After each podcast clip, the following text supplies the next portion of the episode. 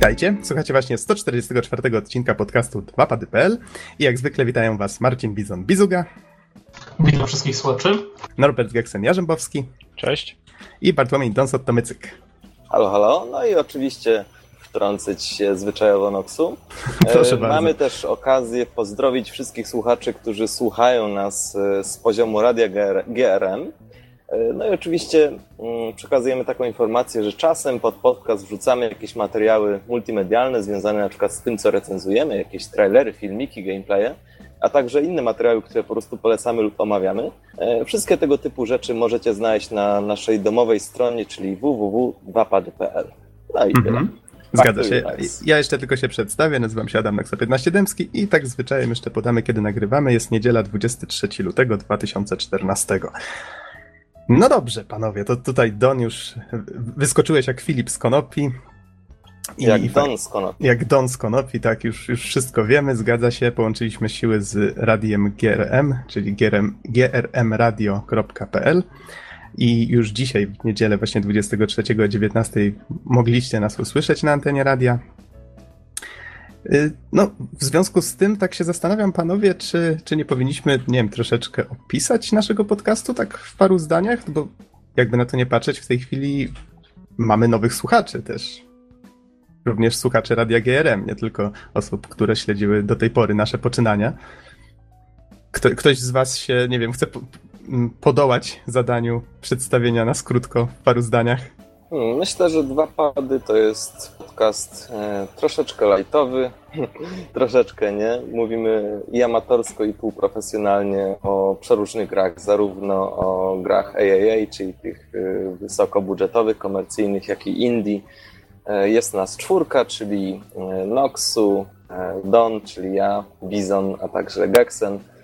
No i na dobrą sprawę staramy się pokryć w swojej audycji najważniejsze wydarzenia z branży, a także po codziennej, w zasadzie tygodniowej dawce newsów, najważniejszych wydarzeń. e, Także wybieramy sobie do recenzji jakieś przeróżne gry, które akurat mieliśmy okazję wypróbować, no i przedstawiamy swoje wrażenia. Czasem, mm, czasem dochodzi do przeróżnych dyskusji e, na jakieś inne tematy, no, ale na dobrą sprawę myślę, że to jest właśnie to. 2pady.pl, luźny podcast o tym, co się dzieje w branży, plus recenzje. Mhm. Okej, dzięki Don. No i słowo się rzekło, to chyba możemy w takim razie przejść do właśnie jakichś takich ostatnich branżowych nowinek. Wypatrzyliście coś ciekawego, co się działo? Znaczy, wiesz co, ja właśnie oglądam Play z Pokémon e, i jestem przerażony tym, co widzę. Ale słuchaj, ja dopiero dzisiaj się zorientowałeś, że coś takiego istnieje, bo ja podesłałem wam tego linka, myślałem, że już śledziliście to może. Nie, Nie? ja dopiero teraz zacząłem to oglądać i, i naprawdę mm, jestem zmartwiony tym, do czego doprowadza do demokracja wśród graczy. To ja może w takim razie wyjaśnię tak krótko, o co właściwie chodzi. Twitch Plays Pokémon to jest kanał, który właściwie został na Twitchu założony. Nie jestem pewien przez kogo, ale to jedna osoba to zorganizowała. Po prostu wziął ROM do Pokémon Red i osoby piszące na czacie Twitcha mogą podawać komendy, input, jaki ma być w tej grze wprowadzony. I ta gra jest zalewana masą, naciśnij A, A, A, B, B, dół, góra, po prostu jest tego multum. I ta gra próbuje reagować na te wszystkie komendy, znaczy na tyle, na ile oczywiście została zaprojektowana, czyli jakbyście na konsolce też zaczęli naciskać losowe przyciski, to prawdopodobnie tak samo by zareagowała. I no właśnie, to jest taki eksperyment, czy tysiące użytkowników, podając te komendy, jest w stanie tę grę ukończyć. Sam jestem strasznie ciekaw. Już chyba udało im się kilka odznak nawet zdobyć, co jest bardzo ciekawe, ale no oczywiście dochodzi tutaj do mnóstwa takich dziwacznych sytuacji. Na przykład widzę, że jeden Pokémon w tej chwili nazywa się AAA, BAA JSS. Bardzo ładne imię, tak swoją drogą. No, jeśli 60 tysięcy użytkowników jednocześnie nadaje imię, to ja myślę, że, że wynik zawsze będzie mniej więcej taki sam. To, to, to i tak dość ładne imię jak na tle użytkowników. Tak A, może jeszcze a, a, dodam, tak może ładne. jeszcze dorzucę, że e, początkowo wszystkie faktycznie, tak jak mówiłeś Noxu, komendy były przekładane bezpośrednio na grę. Teraz słyszałem, że został wprowadzony jakiś algorytm demokracji troszkę. E, czyli to nie jest tak, że jeśli coś piszemy, to na stówę przejdzie. E, To znaczy. nie, to troszkę działa... inaczej. Ja może Mhm. sprostuję sytuację do końca, bo troszkę interesowałem się tematem, bo trzeba przyznać, że jest to dość ciekawy wynalazek. E, Swoją drogą e, stworzyła to osoba z Australii. Tak, dodając informację. E, Natomiast o co chodzi z tą anarchią i demokracją? Jest to taki podział stworzony po to, żeby użytkownicy głosowali na czacie, czyli oprócz komend A i B i oraz strzałek kierunkowych wprowadzono także możliwość wpisywania demokracja lub anarchia, tak? I gdyby nie trole, którzy cały czas trolują i chcą anarchii, to pewnie cały czas grze panowałaby demokracja i dzięki temu dałoby się tą grę dużo szybciej ukończyć. Yy, Bo gdy nastaje demokracja, jakby są takie sekwencje czasowe, podczas których ludzie głosują na najbliższą komendę, która zostanie przekazana yy, do, do emulatora i wtedy jakby ta gra ma szansę iść w dobrym kierunku. Mhm. To tutaj jeszcze taka ciekawostka, że łącznie widzę na liczniku jest już 10 dni, 19 godzin, 24 minuty. I ciekaw jestem, czy uda im się i kiedy im się uda tę grę skończyć. To jest. To, to, to jest naprawdę ciekawy eksperyment, powiem wam. Troszeczkę mi się skojarzyło, n- nawet chyba Ze widziałem, sławną że... kostką już Petera. A, to nie wiem, o czym Nie, mówisz. to też jest taki. No nie No pamiętacie jak to? kostki? Peter Molino i kostka, co jest A, o tym mówisz. Nie, nie, ja mówię o tym No, te- słynnym też masa powiedzeniu, graczy, że... też dążących do jednego celu. To jest nie podobny chodzi- eksperyment, tylko że tutaj troszkę więcej osób próbuje przeszkadzać w jego realizacji. Mnie chodzi o, o, taką, o taki eksperyment inny, czy właściwie powiedzenie, nie jestem pewien skąd to się wzięło. E, Nie chcę tu oczywiście nikogo obrażać, ale na pewno kojarzycie, gdy się posadzi tysiąc małp przy tysiącu maszyn do pisania, to w jakiejś nieskończonej ilości czasu istnieje jakieś prawdopodobieństwo, że w końcu wyprodukują tego Szekspira. Mi się przypomniało takie powiedzenie z branży informatycznej, że każdego eksperta da się zastąpić ograniczoną liczbą studentów. Coś w tym jest. Coś w tym jest. No dobrze, wiecie co, może już nie patrzmy na to, bo to, to jest trochę takie hipnotyzujące wręcz. Wkleimy oczywiście linka pod podcast, więc jeżeli Pewnie ktoś... po zarejestrowaniu się możecie także wziąć udział w grze. Do czego nie jestem pewien, czy zachęcać. Można próbować przegłosowywać. Tak jeszcze może dodam, że dużo ciekawych, znaczy ciekawych, no jak się śledzi sytuację, to są zabawne oczywiście. Dużo zabawnych memów powstało związanych z tym. Na przykład bardzo często się okazuje, że w trakcie walki zamiast wydać komendę, wybierają e, ty- tymi komendami e, losowymi, każą postaci wziąć przedmiot. I na przykład wybierają taki przedmiot, bodajże Helix Fossil to się nazywało, E, jakaś taka muszelka, czy, czy inny, in, jak, jak to się nazywało? Fossil to była skamielina, tak? Melina, tak? Mhm. No właśnie. E, Jakiegoś Pokemona chyba można było z tego uzyskać. W każdym razie z tym przedmiotem nie da się nic w trakcie walki zrobić. Postać reaguje na zasadzie, że nie mogę z tym nic zrobić, ale bez przerwy ludzie ten, na ten przedmiot patrzyli i się zrodziły takie memy w rodzaju nie wiesz co zrobić? Zapytaj skamieliny i tak... Wiecie, zaczyna się to rozrastać, coraz więcej takich zabawnych tych, jak to się orientuje właśnie w przebiegu tej całej zabawy, to to, to mo- można śledzić te rzeczy. Nawet powstały chyba na w różnych serwisach takie podstrony, na których e, update'ują wydarzenia właśnie z tej rozgrywki.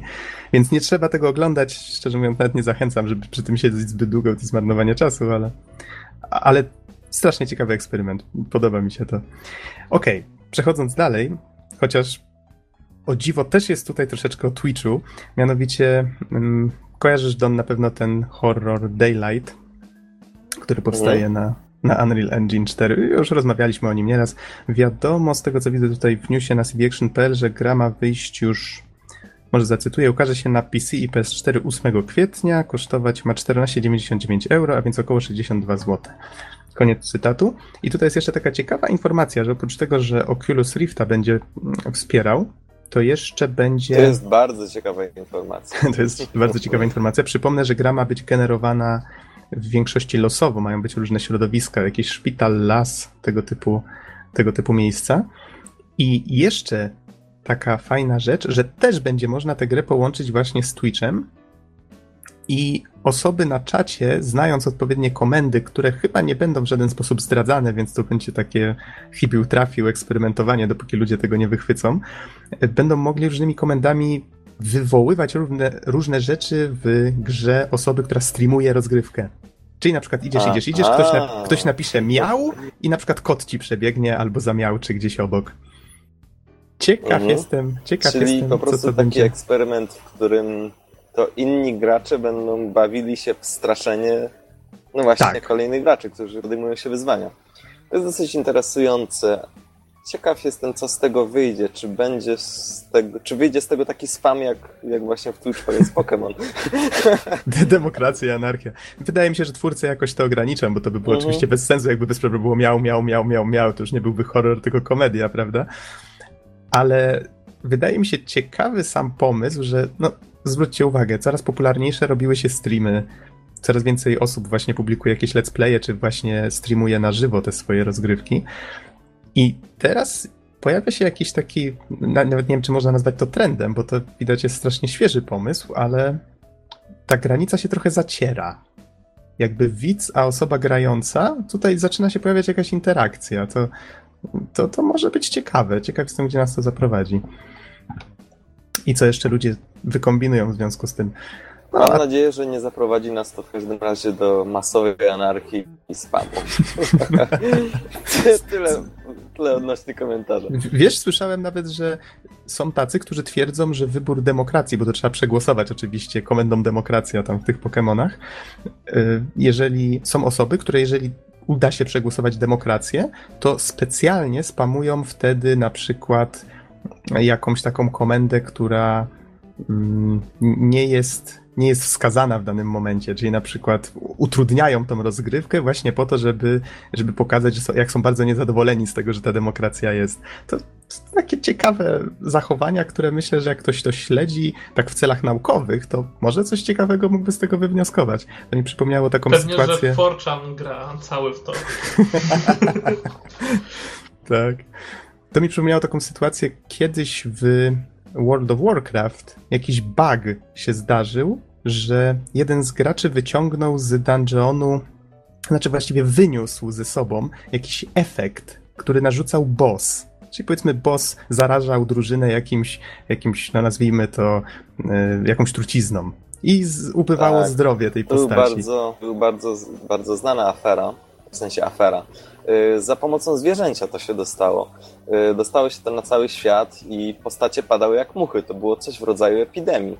Yy, I z tego co właśnie. pamiętam, ja czytałem artykuł na ten temat, że zostało jakby spełnione kilka warunków, yy, które dzieją się w faktycznych przypadkach w rzeczywistym świecie a propos epidemii. Czyli na przykład epidemie są roznoszone przez zwierzę, zwierzęta. Tam było dokładnie tak samo. Na przykład są, e, organizują się takie instytucje, które mają jakby na celu pom- pomóc graczom. E, Tak samo w rzeczywistości też takie akcje są organizowane. Natomiast część Tak, bo, osób, bo gracze zaczynali się leczyć. Mhm. tak, część graczy specjalnie zarażała innych, żeby właśnie czerpać przyjemność z tego, że ich, że powiedzmy tam będą roznosić tam chorobę. E, I z kolei w rzeczywistości też, też takie zachowania mogą wystąpić. No, bo wielu badaczy właśnie specjalizujących się w epidemiach, różnych chorobach i także psychologów zainteresowały się tą grą, ale twórcy, z tego co pamiętam, nie zgodzili się na to, żeby na graczach były prowadzone jakiekolwiek badania.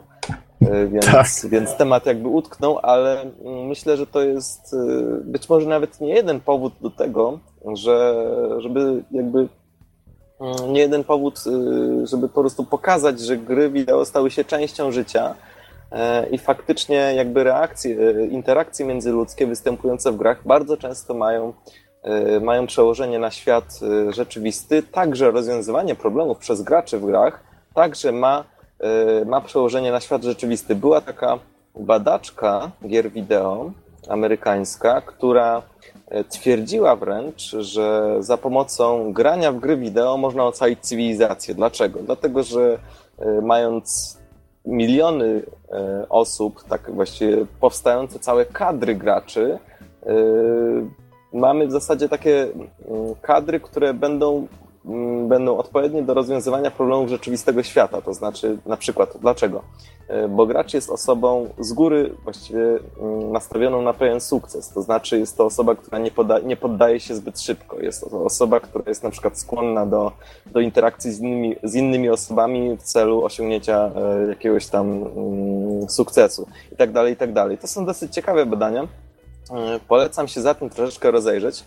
E, choćby dla ciekawostki. To są naprawdę bardzo, e, bardzo ciekawe rzeczy i no i właśnie, jak mówię, myślę, że warto sobie poczytać. Mhm.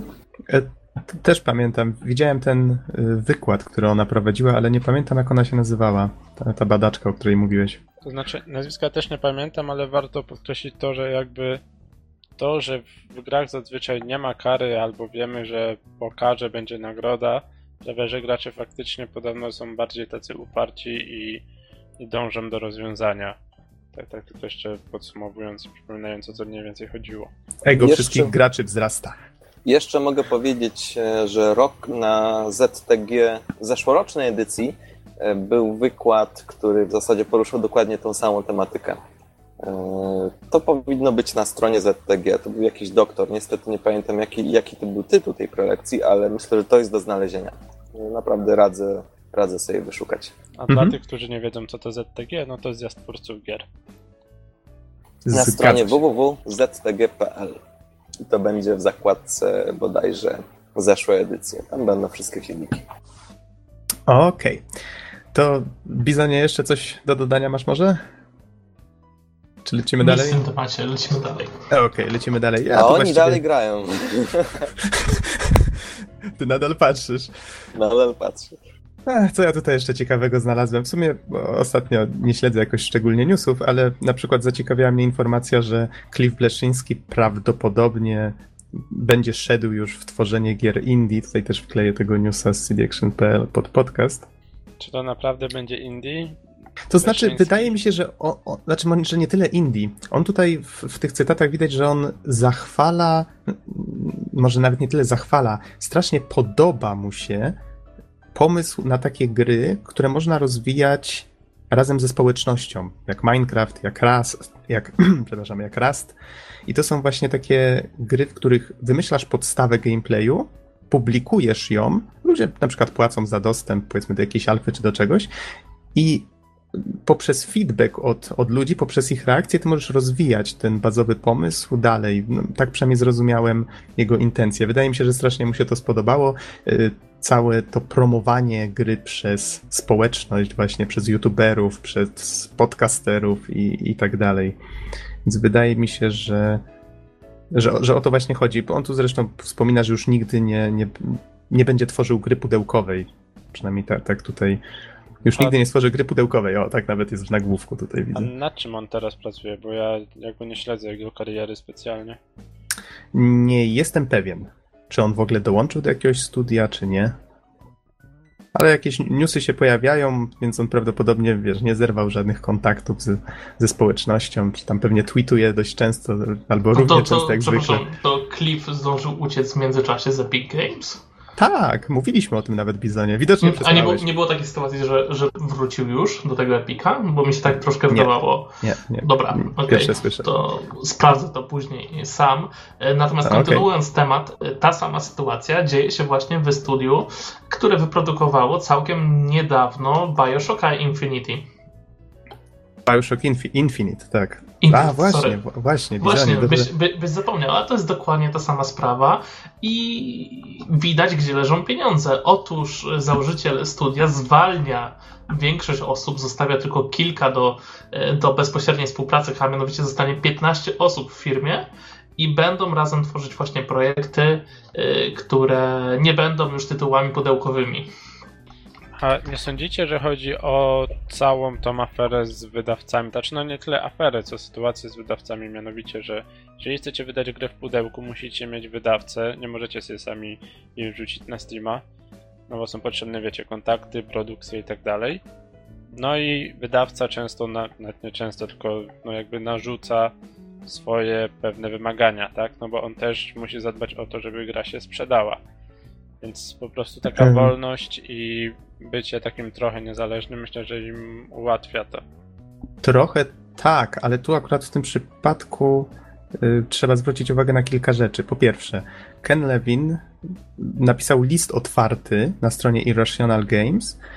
Jeżeli dobrze zrozumiałem jego intencje w tym liście, to właśnie jest tak, jak powiedział Bizon, że on wybrał sobie 15 osób z tego studia, czy właśnie tam naście osób, i razem z nimi chciał tworzyć coś takiego no właśnie, nawet nie wiem, czy można powiedzieć niezależnego, ale faktycznie bardziej skupionego pewnie na eksperymentowaniu z formą, trochę jak Adrian Chmielarz i y, właśnie te dywagacje na temat interaktywnego opowiadania historii. To wydaje mi się, że właśnie coś takiego, takie sformułowanie się tutaj pojawiało, że taka interaktywna y, opowieść że on właśnie z czymś takim chciałby e, eksperymentować, tylko że żeby to robić potrzebuje małego studia, które pracuje ściśle ze sobą, a wydaje mi się, że Irrational Games, żeby tworzyć takie gry jak Bioshock Infinite, no to to, to musiało być ze 100 w górę osób. Myślę, że to bardzo liczny zespół. I 2K Games, które jeżeli się nie mylę, jest właścicielem Irrational Games, zachęcili Kena Levin, żeby został właśnie u nich i to pod ich banderą jakby on będzie tworzył to mniejsze studio. Nie wiem dokładnie, co się będzie działo z Irrational Games. Być może to studio po prostu zostanie, y, bo tam było za dużo osób według mnie, żeby to tak po prostu, wiecie, pozamiatać. Na pewno tych ludzi w żaden sposób nie wyrzucą powiedzmy bezpośrednio na bruk, tam było obiecane, że, że, że, jakoś się nimi zajmą, czyli jak się domyślam zaproponują im pracę po prostu albo w nowym Irrational Games, albo w jakimś no, innym studiu. Nie jestem pewien, zobaczymy jak się sytuacja potoczy, ale no to, to jest ciekawy w sumie, ciekawe, że tak ci twórcy gier wysokobudżetowych uciekają w stronę no tutaj tak jak żeście mówili, to tego nie można nazwać indykami, prawda? Grami niezależnymi, ale że, że uciekają w stronę takiego, takiej większej wolności twórczej. O, myślę, że to jest tutaj dobre sformułowanie. No wiesz, Noxu, ja myślę, że to jest e, całkiem naturalny proces, dlatego że e, wydaje mi się, że jakby ta branża, mówiąc ogólnie, e, wielkokomercyjna troszeczkę zastygła. To znaczy, no, to jest oczywiste, że większość firm czy korporacji woli wydać na przykład sequel z już ustalonym gameplayem, na przykład Call of Duty, to jest niesamowity fenomen dla mnie. Jak to w ogóle się utrzymuje. Y, czy na przykład y, mhm. Assassin, czy zupełnie nowe rzeczy. Y, cała masa jest takich przykładów, w których wielcy twórcy po prostu kopiują swoje wcześniejsze pomysły, dlatego że boją się na przykład, no, wolą nie ryzykować. Co się stanie, jeśli wprowadzimy jakąś zupełnie nową markę, zupełnie nową postać albo zupełnie nowy gameplay? a co jeśli się to nie spodoba? Wtedy co? 100 milionów idzie, idzie papa, prawda? Więc, więc wydaje mi się, że, że teraz mamy właśnie taki zastój, natomiast y, z drugiej strony mamy niesamowitą tendencję do różnicowania się rynku od strony Indii. No to zwróćmy uwagę na to, jak, jak ci niezależni twórcy się bawią, jak wynajdują nowe sposoby na tworzenie gier, jak wynajdują nowe sposoby narracji jak odkrywają nowe szanse i zagrożenia medium, jakim są gry. Dlatego jakby ci uczestnicy tego wysokiego rynku, wielkobudżetowego, myślę, że zaczynają zauważać e, szanse wiążące się z tą nową formułą, z tą troszeczkę bardziej luźną formułą odkrywania tego medium i przede wszystkim widzą, że to graczy pociąga. Znaczy, ok, Call of Duty sprzeda się znowu w milionach sztuk, GTA też się sprzeda, E, ale z drugiej strony powstają takie perełki, jak na przykład, nie wiem, Journey, To the Moon, e, Dear Esther i wiele innych, które po prostu w mniejszym większym stopniu potrafią wstrząsnąć rynkiem i pokazać, że coś nowego, coś innego także ma szansę, a mało tego, że ma szansę, może wstrząsnąć zupełnie całym rynkiem. Zresztą tak było w, mhm. zupełnie w przypadku Minecrafta. Jedna gra, która zapro, za, zapoczątkowała całkowicie nową tendencję na rynku i, i, po dziś dzień mamy kilkadziesiąt gier, całkowity wysyp y, gier, które, y, które opierają się na tym stylu rozrywki, czyli, czyli innymi słowy, tak jak mówię, ten wielki rynek zaczyna dostrzegać szanse e, związane z takim, e, z taką formułą tworzenia gier, no i powoli zaczynają ją adaptować. To nie jest nic dziwnego, to jest jakby samo wynika z siebie. Mhm. A, wiesz, tutaj z tym ryzykiem, żeś o tym, że Call of Duty będzie się sprzedawać, no bo wiadomo, że jak ludzie z walizkami pieniędzy decydują, no to oni nie będą ryzyka podejmować, prawda? Wiadomo, że Call of Duty się sprzeda, no to inwestujemy w Call of Duty, a że to rodzi, pieniądz rodzi pieniądz, no to wiadomo, że kolejni, którzy będą inwestować, też będą inwestować w rzeczy pewne, prawda? Więc. To znaczy, tak bym jeszcze dorzucił, tylko że to, że mamy dużo teraz takich gier, też wynika z, właśnie z tego, że można sobie samemu grę, nawet jedna osoba jest w stanie to zrobić, że sobie napisać grę i ją wrzucić na Steama i zacząć z tego zarabiać pieniądze. E, chociażby SOS, tak, którego dobrze znamy, twórca MacPixela, no, w ten sposób jakby zaczynał. No i to wynika z tego, że jest też rynek na to, coś czego kiedyś nie było, więc no mamy taką ewolucję swojego rodzaju. Mhm.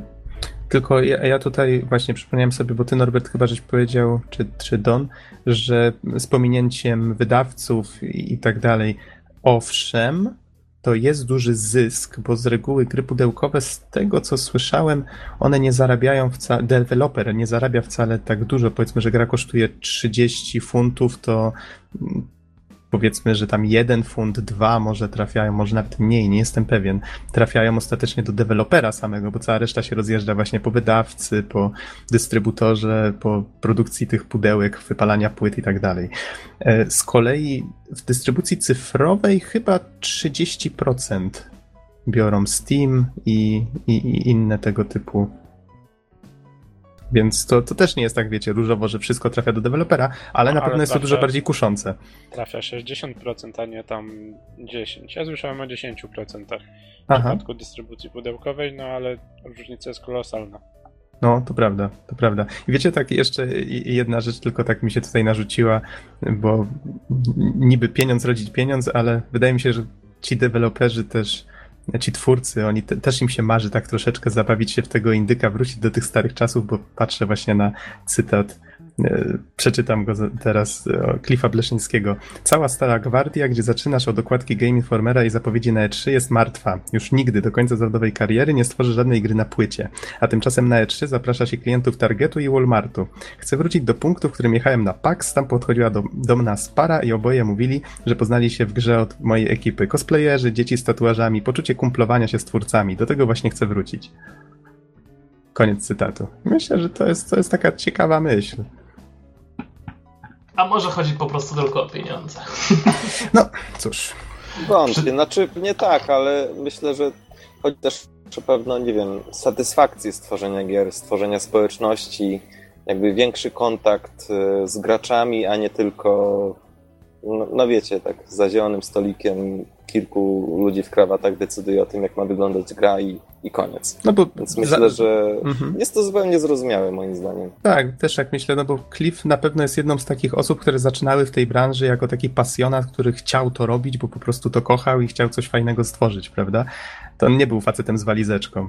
Więc wydaje mi się, że on po prostu chciał trochę wrócić do tych starych czasów i na pewno nie jest jedynym w tej branży, który myśli o czymś takim. Właśnie ciekawi mnie, na ile, y, na ile ten przewrót się dokona y, i na ile będziemy mieli jakby pewną zmianę w branży. To znaczy więcej y, studiów zacznie faktycznie bardziej intensywnie eksplorować to medium i ciekawe, czy, czy jakby to wstrząśnie na nowo rynkiem. Czy będziemy mieli taką stałą tendencję, czy to po prostu są takie pojedyncze punkty, które, które nie zmienią zbyt wiele. Mhm. No ale to na razie ciężko stwierdzić. E, powiedzcie, czy jeszcze jakieś ciekawe myśli wam się na ten temat nasuwają, czy w sumie tutaj ostatnie dwa newsy zostały? Wiesz, to, to jest generalnie temat rzeka, tak? Jeżeli chodzi o produkcję tych małych tytułów. Ja, ja się nie dziwię, że to po prostu dąży w tą stronę, bo cała branża po prostu poszła w pewnym momencie w taki kozi róg, nie? Produkcja gier kosztuje krocie, e, generalnie deweloperzy i tak na tym prawie nie zarabiają. I czemu się dziwić, tak? Skoro mogą zrobić dużo prostszą robotę e, w dużo fajniejszym, pewnie mniejszym, do, e, mniejszym gronie, tak? Ludzi, dobrze się przy tym bawić i zarobić prawdziwe pieniądze, tak? Mniejszym nakładem pracy, no to chyba decyzja jest niestety oczywista, tak? Tylko czy w gruncie nie stracimy my, gracze, tak? Na tej całej sytuacji. Pewnie, pewnie, pewnie jak to jest zawsze, no, historia zatoczy koło, tak? Teraz, Mhm. teraz rynek idzie w tą stronę, potem się okaże, że jednak są potrzebne te wielkie tytuły i ktoś znów wyciągnie kasę i zacznie je produkować. Przepraszam. Mhm. Tak to działa. A jak już mówimy o kasie, jeżeli mi pozwolicie, to tak już yy, w dość płynny sposób przejdę do kącika Xboxa. A, kącik Xboxa, o mój Boże, zapomniałem o kąciku Xboxa. No tak, Xbox A- i kasa to w sumie To wiesz pasuje do siebie. to, to może w takim razie te dwa ostatnie newsy, tak prze, przed przejściem do tego, bo ja chciałem tylko wspomnieć o, o dosłownie dwóch rzeczach. Jedna to o to, że Sony być może pokaże swój zestaw rzeczywistości wirtualnej na konferencji GDC, więc to już całkiem, całkiem niedługo, w przyszłym miesiącu. Z kolei drugi, właściwie to nie news, no wrzucimy pod, pod podcast jak zwykle do polecanych filmików zwiastun z gameplayem nowego Wolfensteina. Tutaj rozmawialiśmy troszeczkę z Donem a propos tego, czy, czy, czy to będzie coś ambitniejszego, czy nie. Ach, mnie się wydaje, że po prostu czysty fan, jaki tutaj widzę na, na tych gameplayach, może być wystarczający, jak dla mnie przynajmniej. A mi się jeszcze podoba taka filmowość, że to widać, że tam będzie jakiś romans, coś tam, ale wiecie, to będzie takie filmowe i w sumie na to liczę. Takie Wręcz trochę, kiczo, tak. takie trochę kiczowate w stylu Tarantino, nie? Znaczy, mi się wydaje, że cała gra będzie komiksowa, po prostu, bardzo O. komiksowa. O, ładnie to ująłeś. Wydaje mi się, że to, to jej doda trochę uroku. Taki Wolfenstein z przymrużeniem oka na nasze Wiecie czasy. co, y, a wiecie, że w ogóle y, Bejot Blaskowicz jest y, chyba pochodzenia polskiego. Tak, Amerykanin jest- pochodzenia polskiego, No zgadza się. Tych Ameryka Amerykanów pochodzenia polskiego jest bardzo dużo. Szkoda, że się tego nie akceptuje w żaden sposób, niestety, ale nie, nie wiem, czy wiecie, ale na przykład Kapitan Nemo e, i, i tam 20 tysięcy mil pod, podmorskiej podróży, czy 30, przepraszam, ale już, już nie pamiętam po prostu. Że, żeglugi chyba, czy? Tak. E, Mhm. To w zamyśle miał być Polak. A dlaczego? To była przygotowana powieść o tym, że to jest Polak. Bo, bo Nemo to był człowiek bez ojczyzny, który tęsknił do swojego domu po prostu. To miał być Polak. E, Ale Aha. poprawność polityczna zdecydowała, że, że to nie mógł być Polak. Ach, no tak, ta poprawność Może- polityczna. No niestety, ale w każdym razie, y, no nie wiem, ta postać, y, w ogóle myślę o niej bardzo pozytywnie, o, o Bejt Blaskowiczu, tutaj wracam znowu, dlatego że właśnie po, polskiego pochodzenia jakoś czuje się tą większą bliskość z tym bohaterem. Jakoś ma się to na uwadze. W każdym razie, no nie wiem jak wy, ale no trailer jest całkowicie komiksowy i mnie to troszeczkę męczy, zwłaszcza, że y, jestem jakby niedawno po doświadczeniach z Call of Duty i, I może na razie się wstrzymam, ale, ale być może, być może z czasem do tej gry z chęcią zasiądę. Nie wiem, co wy o tym sądzicie. A, to jeszcze dodam taką ciekawą informację. Na końcu tego zwiastuna jest powiedziane, że osoby, które zakupią grę w preorderze będą mogły wziąć udział w becie Będzie Duma. Duma. Tak. Ta, ta, ta. Dajcie mi spokój z dumem, dajcie mi Quake'a szóstkę. Nie, piątkę, przepraszam. A sama Ja bym, gra? był, ja bym był za tym Quake 5. Nie Chyba w końcu podano jakąś datę premiery, nie? Chyba w, będzie w maju ten nowy Wolfenstein, jeżeli dobrze pamiętam. 20 maj w USA, 23 w Europie. Fajnie. Ja, ja, ja mimo wszystko czekam na ten tytuł. E, Trailer nie zraził mnie, a wręcz dodatkowo zachęcił do, do zakupu tej produkcji. I mam nadzieję, że to będzie powrót do starego, dobrego Wolfensteina. E, Mówiąc starego, dobrego, mam na myśli grę, w której będzie to wszystko zrealizowane w liniowej konwencji, nie w ten sposób jak poprzednia produkcja pod tym tytułem. E, Nie, nie wiem, czy pamiętacie, ostatni Wolfenstein, jak się pojawił, e, niestety był okraszony otwartym światem, co dla mnie strasznie popsuło tą grę. Mam, Ja nadzieję, że ty, mam nadzieję, że tym razem będzie Mhm. inaczej, wtedy bardzo chętnie bym w ten tytuł zagrał. Ja mam jedną nadzieję, że ze względu na powrót właśnie do takiego przymrużenia oka, to faktycznie zobaczymy tutaj takiego Wolfensteina w starym, starym, w sensie tym pierwszym, pierwszym stylu. I że na przykład na koniec zawalczymy z tym mecha Hitlerem, no come on. On się musi pojawić. I muszą działać stare kody. E, tak, tak. E. Jak to szło? To jakieś trzy literki naciskał na klawiaturze, nie? Już nie pamiętam niestety. Ale to był, to był najlepszy kod w moim życiu. To w ogóle była pierwsza gra, jaką przyszedłem na PC, pierwszy Wolfenstein. Aha, No, razem z tatą się grało. Ba, wspomnienia. okej, w takim razie... A, no, no Norbert jeszcze. Ja do Duma kody to jeszcze do dzisiaj pamiętam i DDQD i DKFA. Na A ja przechodziłem bez kodów, oszuści. To na komórce. Ale pamiętam. tylko pierwszą planszę chyba. Jak ludzie się zagrywali w Wolfensteina, to jeszcze na Pegasusie grałem, byłem zacofany zawsze. Nie, ja mówię, w Duma dopiero grałem na studiach, na licencjacie, na komórce. Ale naprawdę, niezapomniane wrażenia. Ja jak byłem mały i grałem w Duma, to się bałem, bo to była straszna gra w tamtych czasach. Teraz to najbardziej Jeszcze- straszne są piksele, nie? No, ale wiecie, jeszcze jak się było dzieciakiem, to odgłosy coś tam gdzieś warczy, coś... Inaczej To wtedy- patrz na to dorosły facet, a inaczej jeszcze jednak taki wtedy dzieciak. Ja pamiętam wtedy pierwszy, to były jeszcze, wtedy to Mhm. były jeszcze odgłosy wysokiej jakości. pierwszy Unreal, pamiętam, że był bardzo straszny, ale teraz jak o tym pomyślę, to pewnie dlatego, że mój monitor, stary CRT, e, w pewnym momencie zaczął się wypalać. Ja o tym nie wiedziałem kompletnie. Po prostu wszystkie gry były bardzo ciemne. i Ja myślałem, że tak ma być. No i jak gra była ciemna, w sensie miała straszyć, no to była tak, że z reguły nie było widać, co jest na drugim końcu pokoju. No cóż, No ale służyło, także tak, no, Tak, służyło tak, zde- zdecydowanie. Więc myślę, że to wcale nie ma. ale możesz Nie sobie wyobrazić moje zdziwienie, jak coś odpaliłem po kupieniu nowego monitora. O mój Boże, to tak wygląda Baldur's Gate. No właśnie, mniej więcej To tam tak. wszystko widać. Tam wszystko widać, dokładnie. Żeby, żebyś wiedział, nagle się okazało, że ta gra jest kolorowa. Okej, przechodząc dalej w Bizonie. Kącik Xboxa. Kącik Xboxa, muszę naskarżyć sam na siebie, bo... Czemu? Pobrałem betę Titanfall, którą miałem sprawdzić. Titanfall. Titanfall i tak mi się strasznie nie chciało zabrać za tę grę, nie wiem dlaczego, może dlatego, że e, wszyscy nazywają tę grę nowym Call of Duty, za którym z kolei nie przepadam. Bo tylko taką, taką znają tutaj, wiesz, Unreal Tournament, to, to trzeba używać. O, o. Więc w rezultacie, jak już dzisiaj usiadłem rano, żeby zagrać w betę, to okazało się, że się skończyła. I, że, i że, że już sobie nie zagram. Ale Taki- gra wychodzi w marcu.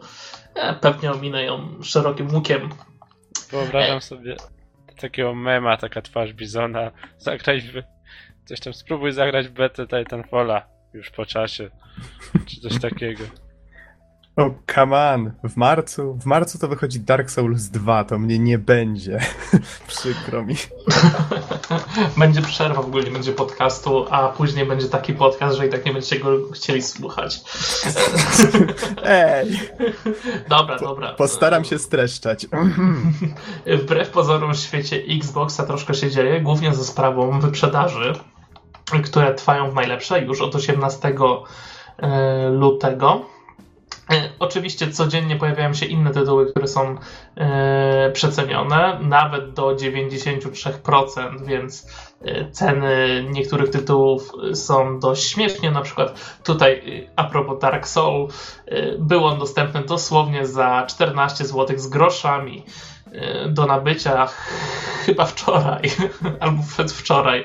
E, Już, już tak dokładnie nie pamiętam, ale tak, promocje są masakryczne, tytułów jest co niemiara. Codziennie jest e, przecenionych około 10 tytułów i naprawdę jest to taka sposobność, żeby ograć tytuły, które się pominęło w e, tej poprzedniej generacji, że, że aż niemożliwe. Jest bardzo tanio, jest tego bardzo dużo. Nie zabrakło nawet Farming Simulatora, który był przeceniony o 50%, więc to mówi samo za siebie. Y, Ja y, sam nabyłem Dark E, Souls. nie, Dark Souls nie nabyłem. E, Brothers Tales of Two Sons, którą będę dzisiaj recenzował. A także kupiłem w promocji za 3 zł 58 groszy pierwszy epizod drugiego sezonu The Walking Dead. Super cena, naprawdę. Niektóre wyprzedaże trwają jeszcze teraz cały czas. E, Pewnie jutro pojawią się też nowe jakieś tytuły, ale w tym momencie możecie nabyć y, gry, które są przecenione przez cały tydzień, pewnie do jutra, do południa, więc za dużo osób nie skorzysta z tego, co powiem w tym momencie. Ale wśród tych tytułów y, znalazły się m.in. ostatni Ridge Racer, Dragon Ball, Z Ultimate Tenkachi, nie wiem jak to się wymawia, Family Guy, Back to the Multiverse, grę, którą recenzowałem, jest przeceniona o 75%, co daje teraz cenę 15 dolarów.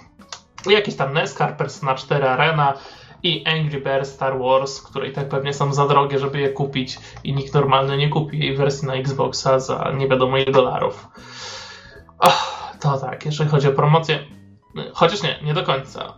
Microsoft stwierdził, że może cyfrowa dystrybucja na Xboxie One do czegoś jest przydatna i że może dzięki cyfrowej dystrybucji można obniżyć ceny, więc zdecydował się na obniżenie ceny Rise Son of Rome o 33%. Tak, jakby jako pierwszy tytuł, który leci z taką obniżką, ten duży pudełkowy, bo jak wcześniej wspominałem już, y, była przecena choćby na Loco Cycle, które było przecenione o 50%. Y, więc jeżeli ktoś ma chrapkę na Rise, to można śmiało spróbować go zakupić właśnie w tej cyfrowej dystrybucji, w tej promocyjnej cenie. Ja mam takie pytanie, czy zaczęło się ukazywać trochę więcej gier na Xboxa i PlayStation, czy dalej taka posłucha? Widzisz, dokładnie, od, do tego chciałem przejść dalej. Ten, ty, ten tydzień był całkiem niezły dla Xboxa One, znaczy całkiem niezły. Liczyłem dzisiaj specjalnie rano, Y, obecnie na Xboxa One dostępne są dokładnie 32 tytuły. Z czego Jaka 3, piękna, okrągła liczba. Z czego 3 pojawiły się w tym tygodniu i był to Rayman Legends. Mhm. Cał, całkiem fajny tytuł. On już chyba był wcześniej na, na, na innych platformach, prawda, dostępny, więc mm -hmm. tutaj na Next Genach ląduje z opóźnieniem. Yy, pojawił się również Strider, który totalnie nie wiem czym jest. Ja widziałem zwiastun Jest to na... podobno jakiś remake y, klasycznej gry. Zbiera bardzo dobre oceny. Y, Aha. Ja nic więcej niestety nie jestem w stanie powiedzieć w tym temacie. Jeżeli się nie mylę, to jest to taka platformówka, taka szybka z jakimś ninją czy czymś takim? Tak, to jest coś takiego. Wyglądało bardzo fajnie, bo wiecie, raptem po zrecenzowaniu Megamena tak myślę sobie, szkoda, że dzisiaj takich gier... O, oh, wait. Hmm. O, tak, o. jak zobaczyłem tą grę, to stwierdziłem, że to jest gra dla ciebie, Noxu, więc kiedyś na pewno e, zagram. dobrze, dobrze, dobrze, dobrze kombinujesz. E, na, natomiast e, trio premier w tym tygodniu zamyka gra Lego The Movie Video Game. Czyli coś się dzieje. Czekaj, wreszcie, czekaj. wreszcie mamy jakiś rozruch, jeżeli Lego chodzi o premierę the, na Xboxie. Lego The Movie The Video Game? Incepcja. Boom. Mózg rozwalony. Okej. Okay. Jak rozumiem, będziesz recenzował. Mm, nie, na razie się, czy później. Na razie wstrzymuję. Chociaż może, może. Yy, za to, tak jak wspomnieliśmy, zastanawiasz się, ile wychodzi gier, no to przyszły miesiąc yy, zaczyna się już powoli ciekawie, bo pojawia się ten Titanfall, pojawia się coś, co bardziej mnie interesuje, jeżeli chodzi o rozgrywki sieciowe, czyli Plants vs. Zombies Garden Warfare, który ma pojawić się już w przyszły weekend. Więc jest, oh, jest, yeah. jest całkiem nieźle. A zapowiedzi promocyjne zamyka nowe akcesorium do Xbox One. Pewnie wszystkim go brakowało. Jest to pilot zdalnego sterowania. Wait, what? Pilot. Po prostu pilot. Pilot. po prostu pilot. Czyżby ktoś zżynał od Wii U? Hmm. Czyżby ktoś zżynał od... I ile to już lat istnieją piloty? Dobra, jeszcze jedna informacja ze świata y, Xboxa. Mm, właściwie to już jest rzecz, która y, ma kilka dni, natomiast nie było mnie na poprzednim podcaście. Pojawiła się aktualizacja systemu, która wprowadziła kilka zmian, choćby to, że konsola potrafi się zawiesić i wyświetlić czarny ekran. Super. Wow. To już nie niebieski. Powiem wam, że, że, że już dzisiaj mi się to zdarzyło. Więc... Ale to za sprawą właśnie e, bety już nie działającego Titanfalla. Próbując wyjść z bety, właśnie uzyskałem piękny czarny ekran i musiałem zresetować, zresetować konsolę. Jest to mój drugi piksele. przypadek, e, odkąd korzystam z nowej konsoli Microsoftu, kiedy musiałem zresetować Xboxa. No cóż, zdarza się, ale jest też kilka usprawnień w tym, tym update'cie. Y, dodano coś, co już powinno być od samego początku w konsoli. Y, nie wiem w jaki sposób nie było tego wcześniej. Chodzi o wskaźnik po prostu naładowania baterii w padzie. Jest, w końcu jest. Gdy przechodzimy do, do głównego menu, naciskając klawisz Guide, to pojawia nam się stopień naładowania baterii. Fajnie, bo wcześniej po prostu pad wyłączał się, nie sygnalizując w żaden sposób, że chodzi o baterię. W żaden E, sposób? W żaden sposób. Fail. No, to, bu- to, Przepraszam, było, ale fail. to było naprawdę kiepskie. Dobrze dodam taką pierdołę. Podoba mi się natomiast, y, jeżeli chodzi o ten update, pewna zmiana, która zaistniała w y, systemowej zakładce Games and Apps.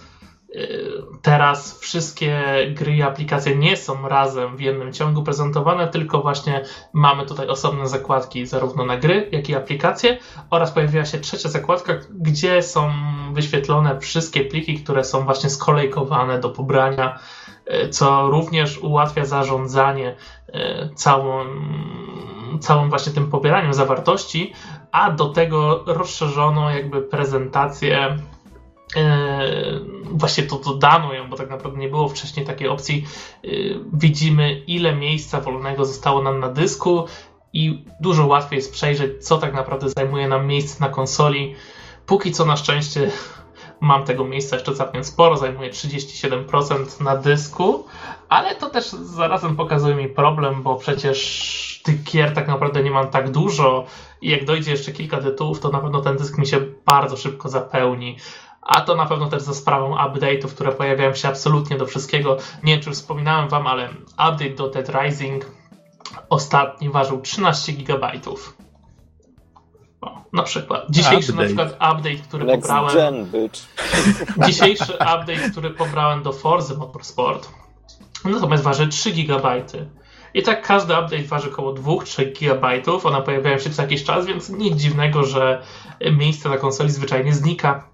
Co prawda muszę pochwalić tutaj e, Turn 10 za to, że w nowym update'cie do Forzy wprowadzili nową trasę totalnie za darmo. Co, co jest pewnym postępem, biorąc pod udział ilość dostępnych tras w Forzie. I na szczęście nie zrobili tego w głupi sposób. Ta trasa automatycznie wkomponowana jest w kampanię, czyli niektóre mm, wyścigi, które wcześniej rozgrywały się na innych torach, teraz będą rozgrywane na tym nowym torze umieszczonym w y, Afryce, jeżeli dobrze pamiętam. O, to fajnie. Mogli podejść do tego leniwą drogą, prawda? Mogli, mogli, a na szczęście zrobili to w ten sposób, więc jest szansa, że niedługo na tej trasie się przejadę. Ym, Okej, panowie, troszeczkę nas czas goni. Bizonie, czy jeszcze jakieś y, e- Xbox newsy? Myślę, że to co najważniejsze udało mi się zebrać. Yy, Natomiast jeszcze taka informacja, jak już jesteśmy przy tych update'ach, że Microsoft zbiera zapisy dla osób, które chciałyby testować przyszłe bety yy, aktualizacji dla Mhm. Xboxa One. Ja się nie piszę, bo się będzie pewnie jeszcze zawieszać częściej. Dziękuję. Nie chcesz poglądać pięknych czarnych pikseli? No jak to tak? Nie chcę. Jakoś tak. Okej. Ja, jednak konsola ma mi działać, jak mam co jakiś czas jakąś małą określoną ilość czasu przeznaczoną na granie, to wolałbym go spędzić przed kolorowym ekranem. Okej, Bizonie, takie jeszcze pytanie. Y, Wiem, że grałeś w ostatnio w takie mniejsze gierki, w sensie przyszedłeś, z tego co pamiętam, drugi odcinek Wolf Among Us E, i tak. jeszcze coś niewielkiego. Nie wiem, jakieś takie mini recenzje może byś chciał? Znaczy, co, co tu recenzować? E, Tak, grałem w Wolfa i z tej samej de facto serii grałem w e, dodatek do The Walking Dead, czyli. e, Znaczy jak- nie, nie, nie jak- tyle z tej samej nazwa? serii, co No, od tej samej tej. Od tego samego firmy, tak. producenta. E, To było 400 400 dni. Days. Tak, tak, zgadza się. Więc ograłem sobie całkiem niedawno właśnie te tytuły w tym, w tym tygodniu. Yy, Muszę powiedzieć, że tak jak chwaliłem poprzednio Wolf Among Us yy, pod wieloma względami, tak tutaj widać, że upuścili pasa i tytuł niestety zaczął niemiłosiernie chrupać w niektórych momentach, yy, co uważam za niedopuszczalne. A Ale dodatkowo... mu- mówisz, mówisz o technicznych kwestiach, Tak, tak? o technicznej kwestii. To jest, to jest pierwszy minus, a drugi minus jest taki, że drugi odcinek, na który kazano nam czekać tak straszliwie długo, jest po prostu niesamowicie krótki, zajmuje raptem godzinę z minutami i nawet nie zauważyłem, kiedy się skończył. Przykre, przykre, naprawdę. tak, tak jest skrócony ten odcinek do totalnego minimum. No, mhm. przynajmniej fabuła trzyma poziom i tylko to ratuje w tym momencie ten drugi y, epizod. Jestem cały czas ciekaw, co będzie dalej. Y, natomiast jeżeli chodzi o ten dodatek do The Walking Dead, y, to strasznie mi się podobał. Bardzo fajnie opowiedziane historie kilku postaci, dodatkowo zakończone fajnym epilogiem. Jeżeli ktoś nie grał, warto ograć. Ja po prostu miałem ochoty na The Walking Dead, a nie mam poprzednich jakby epizodów, żeby żeby dokończyć pierwszy sezon, a wiedziałem, że dodatek jakby nie do końca jest związany z całym sezonem, dlatego pozwoliłem sobie w niego zagrać. E, cały czas poluję na promocję na pozostałe odcinki pierwszego sezonu, bo tak jak już powiedziałem, pierwszy odcinek drugiego sezonu leży na dysku, ale no, nie chcę grać w ten sposób w niego. Mhm. Wiesz co, Gizano, ja mam do Ciebie małe pytanie, to znaczy Nox także grał w 400 y, dni, ten DLC, e, i z tego co pamiętam, narzekał na dwie rzeczy. To znaczy, że sam dodatek był bardzo krótki, ale to raczej było pośrednią wadą. E, Są ale treściwy mimo e, wszystko. Naj, największą wadą, przynajmniej według Noxa, jeśli dobrze pamiętam, Noxu popraw mnie, jeśli się mylę, mhm. było to, że jakby przedstawiał kilka różnych historii, z czego po prostu one bardzo szybko się kończyły i jakby gracz nie miał czasu na to, żeby, żeby zgłębić je, żeby się w nie wczuć. Jakby odczuwał to pewne cały czas przeskakiwanie z jednej do drugiej. Nie wiem, czy, czy tobie też się to rzuciło w oczy, czy po prostu jesteś zadowolony z tej no, mieszanki? Nie, wiesz co, dla mnie wręcz przeciwnie, jakby te bardzo krótkie historyjki stanowiły jakby urok tego dodatku.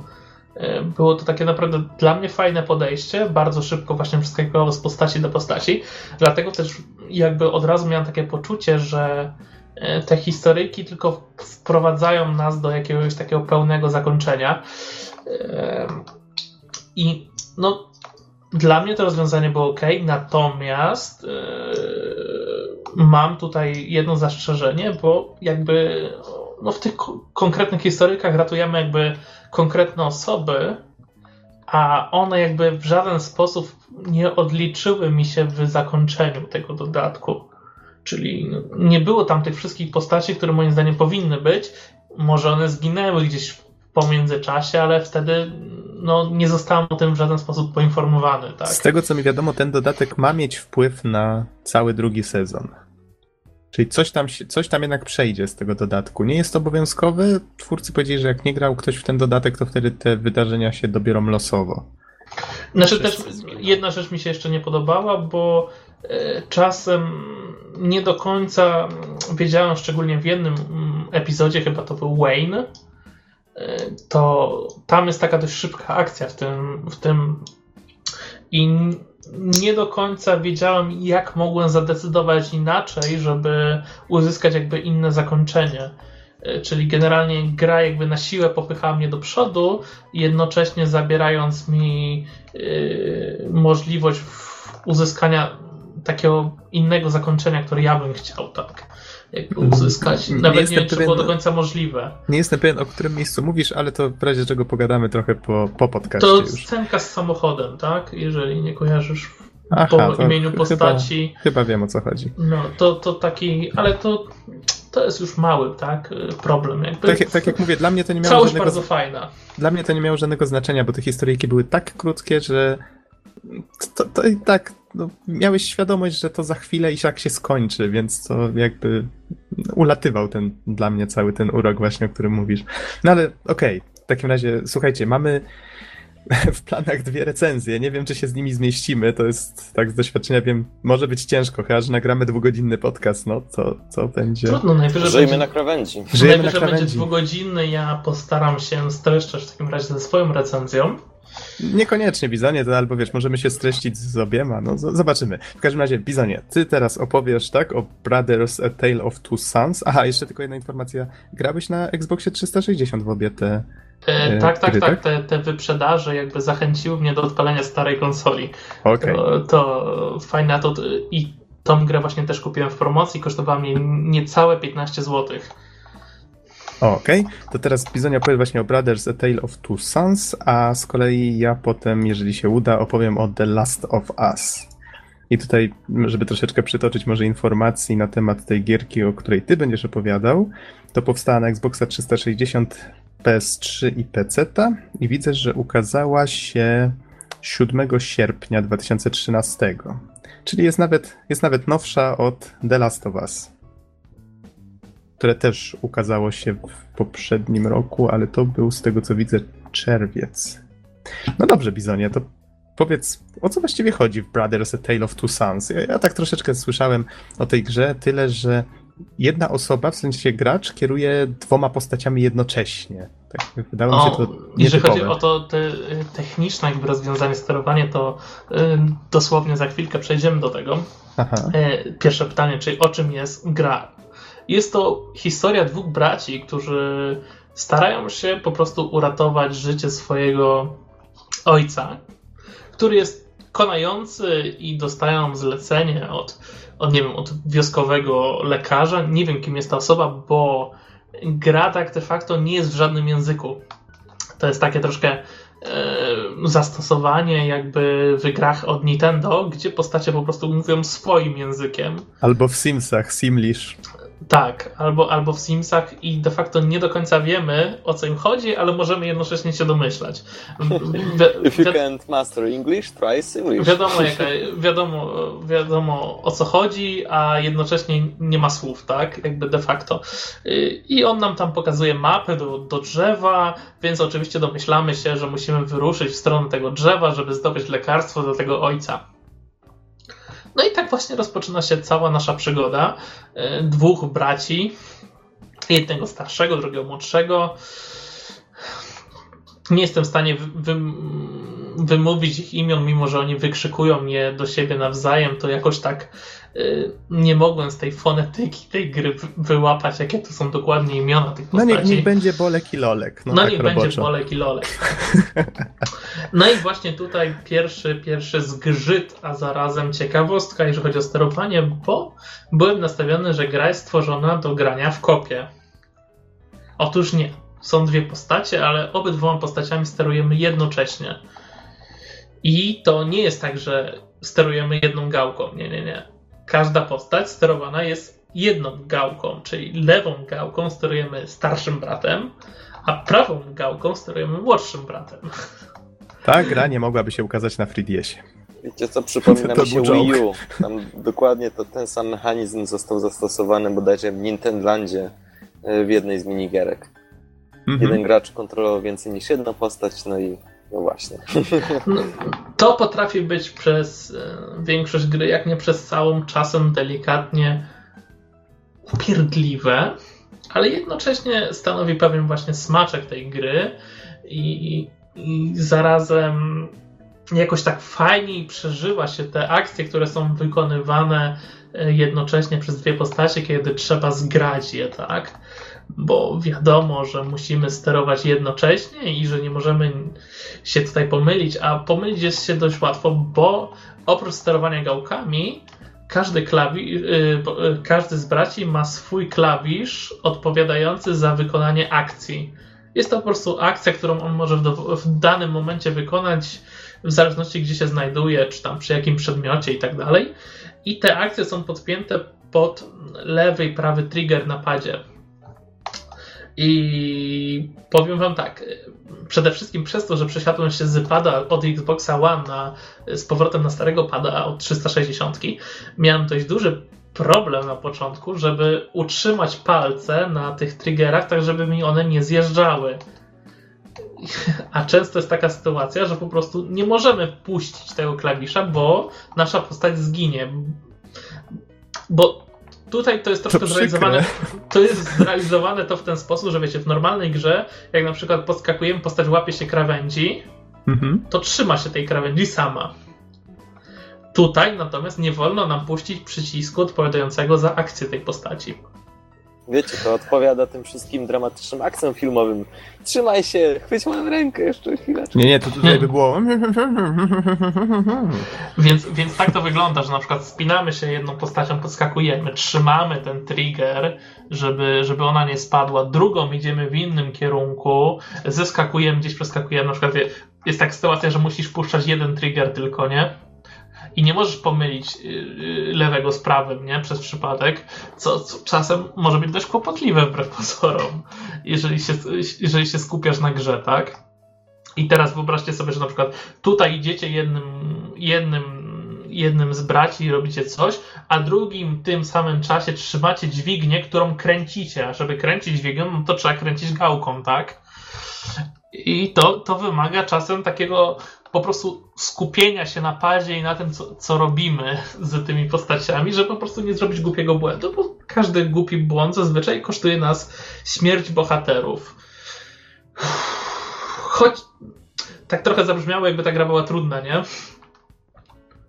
No, troszeczkę tak jakby korzystała z tych trudności manualnych. No wiesz, na zasadzie kręć ręką w prawo, a nogą w lewo i się no, z tego, że ci się nie udaje. Nie? Troszkę tak jest, ale to też bez przesady. Tak naprawdę poza samą, samym tym sterowaniem, które czasem potrafi nam sprawić psikusa i po prostu, nie wiem, ja, ja tak miałem przez całą grę, że czasem po prostu się pomyliłem, puściłem nie ten trigger albo, yy, nie wiem, intuicyjnie jak w innej grze podskoczyłem, złapałem się krawędzi, ale puściłem potem te triggery i obydwie postacie spadły, nie?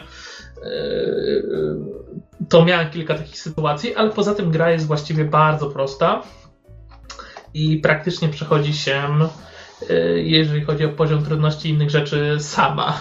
Znaczy, no, nie stanowi wyzwania tak jako takiego, jeżeli chodzi o już, o już gameplay, a nie, nie sterowanie samo.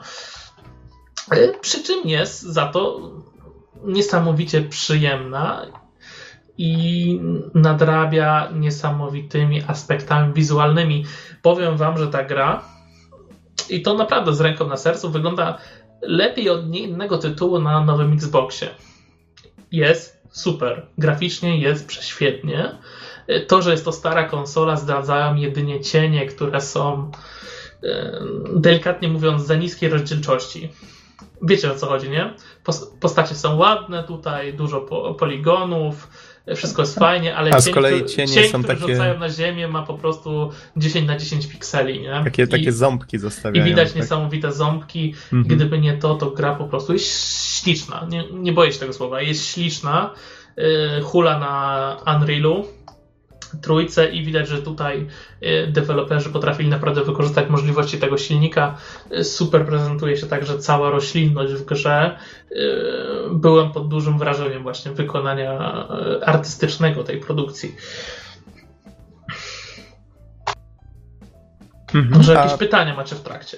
No właśnie tak się zastanawiam troszeczkę nad fabułą.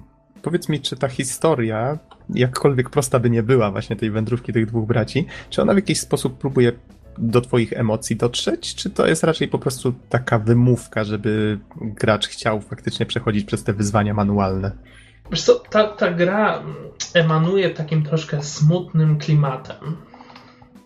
Nie tylko przez, y, przez rozpoczęcie gry, nie tylko przez tą chorobę, ale także przez inne wydarzenia, które napotkały nas w trakcie rozgrywki oraz postacie, które spotkamy y, podczas gry, bo całość dzieje się w takiej baśniowej krainie, więc mm, jakby wachlarz tych postaci jest całkiem spory, które możemy spotkać. Nie są to tylko ludzie, są także trole, olbrzymi, olbrzymy, olbrzymy, tak, olbrzymie. Tak, z olbrzymy, zgadzam. Nie, nie wiem. Trole internetowe, tak? Czy... Ten a, oraz inne takie paśniowe postacie. I jednak widać gdzieś y, taki smutek, którym pokryta jest ta cała y, kraina. Tu naprawdę brakuje takich bardziej optymistycznych y, jakby punktów fabularnych. A może właśnie tak miało być? Czy... Tak, tak miało być i to wychodzi bardzo dobrze. Dzięki temu ta historia, mimo braku jakichkolwiek dialogów, staje się dość taka głęboka i naprawdę jako gracz przeżywamy ją razem z bohaterami. Jest to, jest to naprawdę dobrze zrobione i Tutaj, mhm. tutaj kolejny plus tak, dla tej produkcji, czyli obok oprawy wizualnej, to fabuła i dość ciekawa mechanika, to są na pewno atuty. No to tutaj ty też mnie, też mnie zainteresowałeś. natomiast, przyznać, że... natomiast musimy przejść do minusów, bo, bo nie da się powiedzieć, że gra jest idealna. Moim zdaniem przede wszystkim nie wykorzystuje ona do końca swoich możliwości, jeżeli chodzi o wykonywanie jakichś bardziej takich złożonych akcji obydwoma braćmi, bo no powiedzmy szczerze, że mamy dwie postacie, no to możliwości zrobienia różnych zagadek, rozwiązań, y, podzielenia ich na różne umiejętności było bardzo dużo. A tutaj gra totalnie nie wykorzystuje potencjału. Te wszystkie rzeczy, które wykonujemy, są niesamowicie proste. Postacie między sobą różnią się właśnie tylko wzrostem, y, więc y, różnica jest taka, że mniejszy brat potrafi wejść w niektóre miejsca, tam gdzie większy nie potrafi wejść.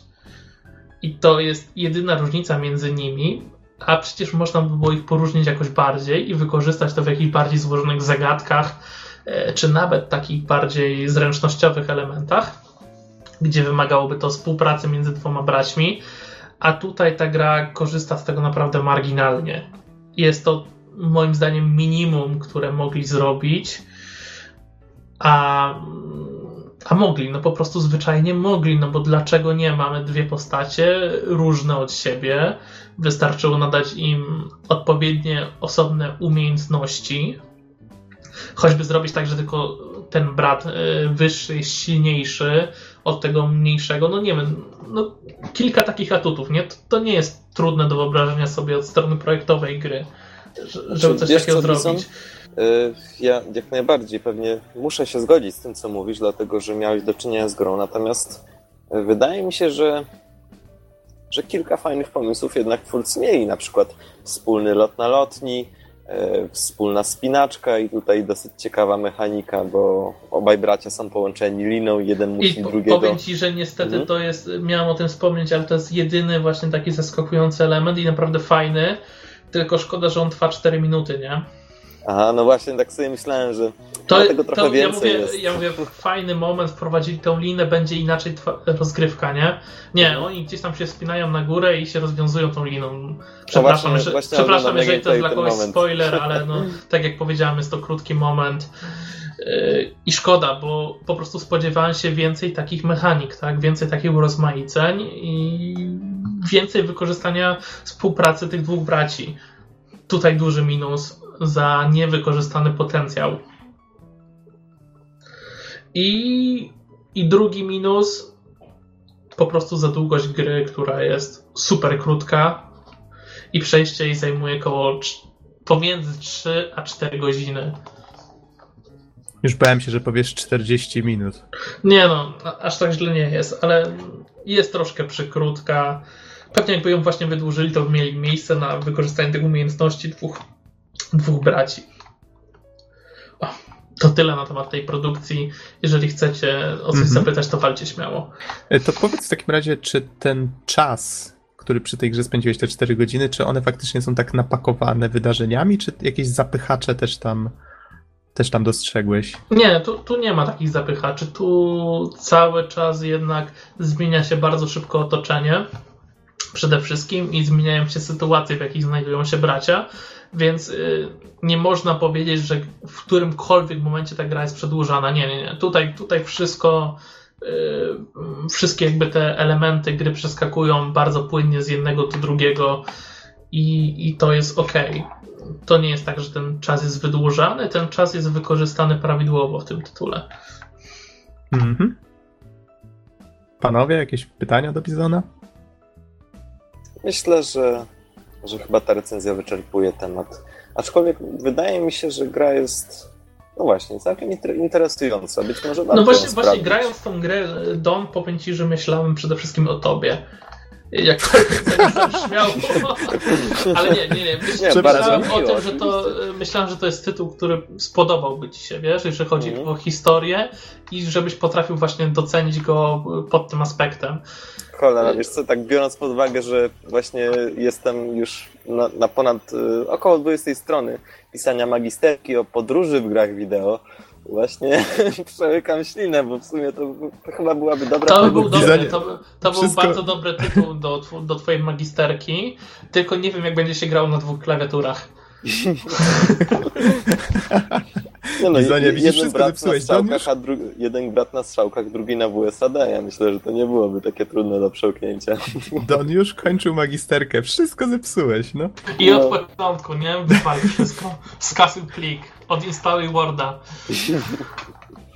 Zainstaluj grę, przejdź ją najpierw. Nie, nie, nie. Yy, Dobrze o tym wspomniałeś, to jest dobry materiał na twoją magisterkę. A jeszcze pytanie, muzyka. Muzyka nadająca klimat yy, całości nie przeszkadza, nie jest też jakoś bardzo wyczuwalna yy, Okej. w żaden sposób, ale no po prostu jeżeli jej nie słychać tak de facto, to znaczy, że się bardzo dobrze składa z całym tłem, więc odpowiadała mi w zupełności. No, okej. No dobrze, panowie, czy jeszcze jakieś pytania? To może Bizonie w takim razie powiedz już na sam koniec, komu byś polecił? Oprócz tego, że mi. Każdemu, kto potrafi się cofnąć w czasie i zakupić ten tytuł za 15 zł. Okej. Poza tym osobom, które mm, Piszą szukają, magisterki o- Piszą magisterki, ale nie, osobom, które szukają nietypowych rozwiązań w grach, osobom, które lubią przeżywać bardziej historię od samego gameplayu. Hmm. Nie wiem, pomóżcie mi, ale No chyba, chyba rozumiemy chyba tak, po prostu tak. Czyli mówiąc krótko, polecasz. Polecam. Okej. Fajny tytuł, mógł być dłuższy, ale to, co w nim jest, jest zrobione dobrze. Tylko pamiętajcie, że zanim wyruszycie w drogę, trzeba zebrać dwóch braci. tak. A Pokemony nadal utknięte w czarnej jaskini, z tego co widzę. Ja myślę, że z tej jaskini, a w zasadzie z czarnej D, nie wyjdą jeszcze bardzo długo. A Tak, je- tak, jeszcze jedna być. rzecz, o której chciałem wspomnieć. Mhm. Y, Brakowało mi w tej grze takiego aspektu, żeby bracia y, wybierali podczas tej podróży, czy lepiej jest pomóc komuś po drodze i marnować czas potrzebny na ocalenie ojca, czy właśnie wybrać tą drugą opcję. Jakby szkoda, że tego nie wkomponowano jakoś, wiecie, takiego miernika czasu. Może, może to jest takie trochę mm, zbyt stare rozwiązanie, ale z drugiej strony zauważcie, jeżeli oni spotykają jakieś postacie i mogą im pomóc po drodze, a zarazem zabierałoby to cenny czas na ocalenie ojca, mogłoby to e, wprowadzić dodatkowe fajne odczucia związane z rozgrywką. Uratować Tak, tonące mechanika- niemowlę. Taka mechanika by, powinna być dobrze zaimplementowana. Doświadczenia z przeszłości wskazują, że nie do końca jest, użycie jest dobre. Dlatego, że w Falloutie bodajże początkowo Tak, był limit czasowy i gracz przeszedłszy naprawdę pustynię, potwory, puszcze, uratował Nel po drodze i tak dalej. Dowiaduje się, że po prostu nic z tego, ktoś pierwszy już, już dotarł tam. Yy, Nie pierwszy przypadek jest to w y, kilku innych grach, bodajże też coś takiego było. I, i no właśnie, no, zawsze kończyło się wielkim rozczarowaniem. Tego typu rzeczy powinny być dobrze zbalansowane, to znaczy nie na przykład licznik, który sztywno od, odlicza czas, tylko po prostu jakby fabularnie decyzje powinny e, wpływać na, Czy wiesz, na na przykład prawdopodobieństwo. wiesz, że ocaliłeś wszystkich, tak, po swojej drodze, załóżmy, żeby było dużo takich osób do ocalenia, ale w rezultacie twój ojciec nie przeżyje, nie? Bo zmarnowałeś zbyt dużo czasu. Jak rozumiem, gra podejmuje. Nie, nie daje ci w ogóle żadnego wyboru, tak? Po prostu jest liniowa pod takimi względami. Znaczy, możesz czasem zrobić coś dodatkowego, nie? Właśnie w stylu uratować jakąś osobę, ale nie wpływa to na to właśnie, czy... czy, czy... Nie Na wpływa to na główną linię, tak? Okej. Po prostu fabularną w Okej. żaden sposób. Rozumiem. A Tak, je- jeszcze w tak troszeczkę- grze na NES-a, przepraszam, że ci się wtrącę, w której Aha. grze na NES-a był taki wątek, e, że był chory ojciec, trzeba było wyruszyć w podróż, żeby go ocalić. I tam właśnie był licznik czasu. Jeśli nie zdążyliśmy, a ukończyliśmy całą grę, no to widzieliśmy zakończenie, że nie zdążyliśmy i że ojciec nie żyje i koniec. Spróbuj jeszcze raz. Dlatego myślę, że tego typu, e, tego, to Angry Video Game Nerd recenzował tą grę. Aha. Stąd to kojarzę. Myślę, że właśnie tego typu technika powinna być dobrze zrealizowana. Być może nawet e, w konwencji The Walking Dead The Game. Oni to bardzo dobrze zrobili w sensie, e, w sensie te wszystkie wybory moralne. I myślę, że jakby podjęcie tego stylu rozwiązanie tej sprawy mogłoby być naprawdę bardzo korzystne i wprowadziłoby kolejny wymiar e, do tej historii. Mhm. A to tak wiesz, wspomniałeś akurat o, o od The, e, The Walking Dead, to myślę, że to, to moglibyśmy płynnie przejść do The Last of Us, bo jakby nie patrzeć, jedno i drugie z zombiakami ma coś wspólnego, chociaż tutaj może nie do końca. To nie wiem, zaczynać już recenzję, czy jeszcze chcecie podyskutować trochę? Dawaj, o... dawaj. Jedyny tak, tytuł, lecimy? który żałuję, że nie, nie udało mi się przejść w międzyczasie. Powiedz mi, to masz, tak między nami masz ten tytuł pudełkowo? no dobra, przyznam się, pożyczyłem go. Tak, mam, mam, go, mam go pudełkowo. To jest płytka, mam go, ale nie zapłaciłem za niego. Mogę powiedzieć, że niedawno był w promocji, za 100 ileś złotych można go było kupić, więc już nie 200 ileś, oh my god. Ja się e, boję, że moje PlayStation by tego nie przeżyło, jakbym próbował to przejść. Ale... Już, już harcz jak odkurzacz. Powiem tak, gdyby pieniądze rosły na drzewie, to faktycznie polecam jak najbardziej. Gra jest długa, świetna, ale to o tym za chwilę troszeczkę dokładniej. W w tym miesiącu, 14 lutego, ukazał się dodatek, jeżeli się nie mylę, to był chyba 14 lutego, już nie będę tego szukał, ale ukazał się dodatek do The Last of Us, nazywa się Left Behind. Też miałem okazję go ograć, kosztuje 60 zł. Auć. Ale to, to może po kolei nie wyprzedzajmy, nie wyprzedzajmy faktów. To tak, zaczynając może od tych zombiaków. Też mamy tutaj grę o apokalipsie zombie. Tylko, że twórcy z Naughty Dog, czyli twórcy Uncharted, też ekskluzywów na PS3, tak jak w tym przypadku. Tutaj może z niegrzecznego psa.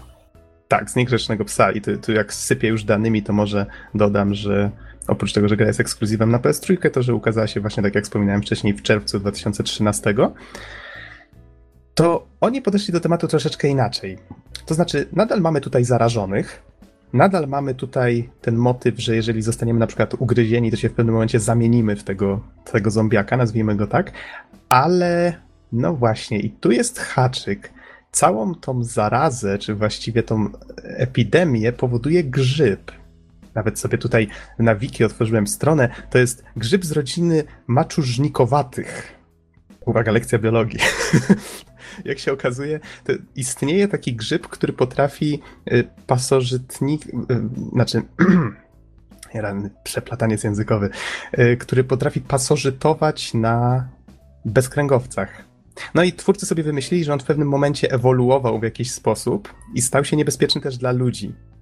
I że on po prostu przejmuje w pewnym sensie kontrolę nad nad mózgiem i człowiek po bardzo długim czasie zamienia się właśnie w takie coś, co wygląda jak połączenie człowieka z, z grzybem. Coś, coś takiego trochę dziwnego i złowieszczego. Wydaje z siebie dziwne, klikające odgłosy. Coś, coś właśnie w tym stylu. Jakbyś miał na twarzy wielką hubę. O, tak. Pirazy Przypomina mi się Saints Row i strzelanie ośmiorniczkami, które kontrolują, kontrolują umysły. Tak. Okay. Myślę, że ktoś tu kimś mógł się inspirować. Tylko, że akurat The Last of Us y, nie jest grą, która tutaj próbuje nas w jakiś szczególny sposób rozbawić. To jest akurat taka smutna historia drogi. Może tak bym to ujął. Y, bohaterami... Dodaj do magisterki. O nie, znowu podróż. o mój Boże. Ja pamiętałem, pamiętałem jak y, pisałem licencjata o szantach, Aha. E, czyli no pieśniach morskich e, i konkretnie o kreacjach kobiecych. Do, do licencjatu dodaj Assassin's Creed 4. E, I pamiętam, że pamiętam, że, że w pewnym momencie musiałem dać sobie zakaz na słuchanie nowych szans, dlatego że ciągle łapałem się, że że coś to by jeszcze mogło pasować, tu jeszcze do tego fragmentu dodać i tak dalej. Mhm. No ale no cóż, no, jeśli puszka Pandory została otwarta, no to tak No tak, w tym przypadku została otwarta, bo to, tu masz kolejną grę, w której motyw drogi jest bardzo ważny, bo mamy tutaj wędrówkę, w której bierze, biorą udział dwie postacie, no właściwie trzy, chociaż bardzo szybko zamienia się to w wędrówkę właśnie w tym duecie. Jest to Joel i Ellie Joel jest takim facetem, który właściwie ma chyba, nie wiem, tak na oko z 50 lat. Y, Ellie jest z kolei taką nastoletnią dziewczynką. Bez przesady, jak on ma 50 lat, trochę, trochę przegiąłeś. 40. No nie wiem, powiem tak, gra zaczyna się, kiedy jeszcze epidemii nie było. 2013 bodajże. No to już wiemy, że nas coś ominęło. I tam poznajemy właśnie Joela, poznajemy jego córkę. No, jeszcze wiecie, świat jest spokojny, toczy się swoim biegiem i to jest 20 lat przed właściwą akcją gry, która się toczy w 2033. Więc wnioskując, I nagle tam... wszyscy musieli się schronić w moskiewskim metrze i to wszystko nabiera sensu. Okej, okay, okej, okay, okej, okay. nie, nie tak szybko. E, I właśnie wnioskując po tym prologu, domyślam się, że już wtedy miał powiedzmy ze 20 lat w górę, więc okej, okay, niech będzie tak 40-50 lat, prawda? No ale to, to nie jest istotne. Chodzi o to, że to jest po prostu facet, znaczy, który Po prostu chodzi, że wizualnie nie, nie wygląda mm -hmm. na aż tak starego, przynajmniej tak się wydaje w grze. Może to jest kwestia sterowania gry, tak? Mm -hmm. W każdym razie w tym prologu yy, już tutaj nie zdradzając jego dokładnie przebiegu, niestety bierzemy udział w śmierci jego córki, mamy okazję zrozumieć w pewnym sensie motywację tej postaci, a może nie tyle nawet motywację, co po prostu powód, dla którego Joel jest właściwie taką postacią, w której siedzi taki olbrzymi żal do świata. To, to widać. To, co strasznie udało się twórcom tutaj zrobić, to przekazywać historię. Niby jest tu mnóstwo cutscenek, no co no, Naughty Dog akurat potrafi to robić świetnie, ale oni opowiadają tą historię nie tyle słowami, te postacie mówią, rozmawiają ze sobą, prowadzą dialogi, ale podobało mi się strasznie to, jak oni nie mówili rzeczy oczywistych. To, na zasadzie, wiecie, te dialogi były tak dobrze napisane, że faktycznie sprawiały wrażenie prawdziwych rozmów. Jeżeli coś było oczywiste, no to jakaś postać zbywała to milczeniem, albo jeżeli faktycznie coś było zbyt y, dramatyczne, może nie tyle dramatyczne, zbyt bolesne, żeby o tym mówić, to widać było po twarzy. Widać było po mimice, po wszystkim, że że ta postać powiedzmy coś myśli nad czymś, że przeżywa coś i na przykład nie chce o czymś mówić. Więc wydaje mi się, że to jest tutaj bardzo duży sukces. No, o ile komuś nie przeszkadzają cutscenki. Jest, jest tu ich troszeczkę, ale gra poza tymi cutscenkami opowiada już historię też w sposób interaktywny, w bardzo podobny sposób, jak robiło to Uncharted, czyli nadal się poruszamy, postacie wtedy wchodzą z nami w jakąś interakcję, w sensie też idą z nami na przykład, ale, ale prowadzą z nami jakąś rozmowę, tego typu rzeczy. W każdym razie, y, jak wygląda świat te 20 lat później? No, mamy właściwie opuszczone miasta. No co, mamy... no jest metro, są tunele. Tak, tak, ja wiem. Też tam odwiedzamy metro, spokojnie.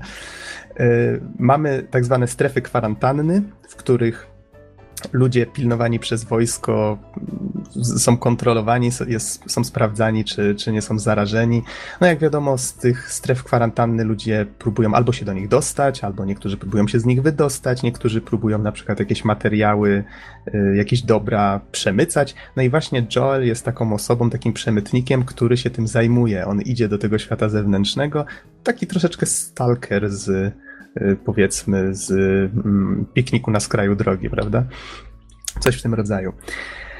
I dostaje któregoś razu bardzo nietypowe zlecenie, które polega właśnie na tym, żeby tą Eli, czyli właśnie drugą główną postać, no bo tutaj akurat nie nazywałbym którejś z nich postacią poboczną, to kierujemy Joelem, ale przez większość czasu, tutaj takie wink-wink, ale y, są też fragmenty, w których mamy Co okazję... Co to jest wink-wink? wink-wink. Co to jest? Co to jest wink-wink? To jest Chcia oko.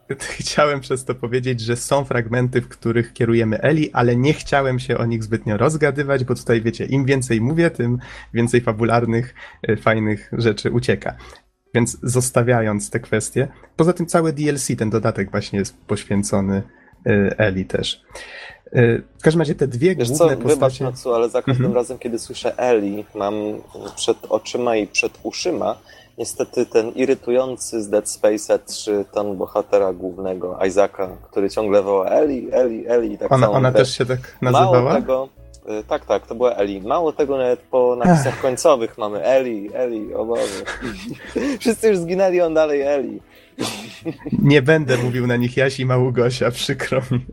Dobrze. Skoro mieliśmy Bolka i Lolka. Eee, bardzo krótko, ale Okej, okay, okej. Okay. W każdym razie dostaje zadanie, żeby wyprowadzić tą Eli z miasta i no, właściwie mają w konkretne miejsce zaprowadzić. Szybko okazuje się, że plany nie wypala i że są skazani na siebie, że muszą y, iść dalej tą drogą. Bardzo szybko okazuje się, że dziewczynka jest odporna na tego grzyba, który cały świat tak, który wstrząsnął tym całym światem. To musi być tak w każdej grze i w każdym filmie, że zawsze znajduje się ktoś odporny na zarazę. Przyznaję, że pomysły, na których opiera się jakby cała historia, są proste. Powiedziałbym wręcz, że yy, zwroty akcji, inne tego typu rzeczy nie mają tutaj jakiegoś takiego. Nie wiem, nie wiem, jak to zbytnio powiedzieć. Chodzi mi o to, że nie mamy tutaj fabuły, która próbuje nas zaskoczyć jakimś takim wyjątkowym pomysłem, ona próbuje nas zaskoczyć wykonaniem.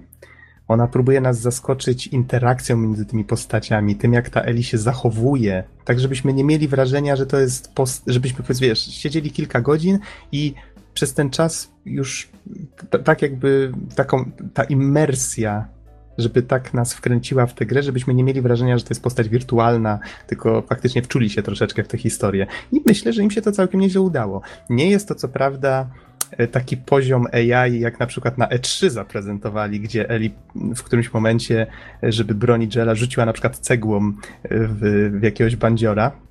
Co prawda takie rzeczy też się tu zdarzają, chyba ze dwa razy coś takiego miało miejsce, ale no wtedy zrobiło to na mnie olbrzymie wrażenie. Z kolei tutaj, okej, okay, już tak powiedzmy, że było to troszeczkę zdawkowe. Postacie czasami na przykład, jeżeli jest ciasne przejście jakieś, to stoją nam na drodze i powiedzmy idziemy w ich stronę, to zaczynają się cofać i tutaj tak jakby y, ta taka ta delikatna szpilka, nie? To jednak jest gra, to jednak jest gra, ale przez większość czasu przez większość czasu myślę, że udaje mi się iluzję utrzymać całkiem niezłą. Na przykład my gdzieś idziemy, gdzie e, Eli nie chce pójść, albo mówi, że powiedzmy, że ona zajmie się czymś innym, to ona na przykład gdzieś tam sobie usiądzie, poczeka na nas, nie stoi jak wryta, jak ten, powiedzmy, jak, jak kłoda i, twórcy starali się faktycznie, to musiało na pewno dużo pracy ich kosztować, żeby te postacie właśnie miały między sobą jakąś taką fajną interakcję. Czasami widać, że na przykład ona nie idzie za nami bez przerwy, tylko się rozgląda, gdzieś tam spojrzy jakiś plakat. Ok, możemy do niej podejść na przykład i zagadać. E, rozmawiają ze sobą na przykład o różnicy między starym światem a nowym. Tutaj mamy taki fajny kontrast właśnie nie tylko pokoleń, ale i świata, w którym się wychowały te pokolenia. E, pamięć, zapadła mi w pamięć taka sytuacja, jak a, bo, y- bo, bo poczekaj, bo Aha. chyba o tym nie wspomniałeś, ale to no. wynika, wynika jakby z tych kalkulacji wiekowych, tak?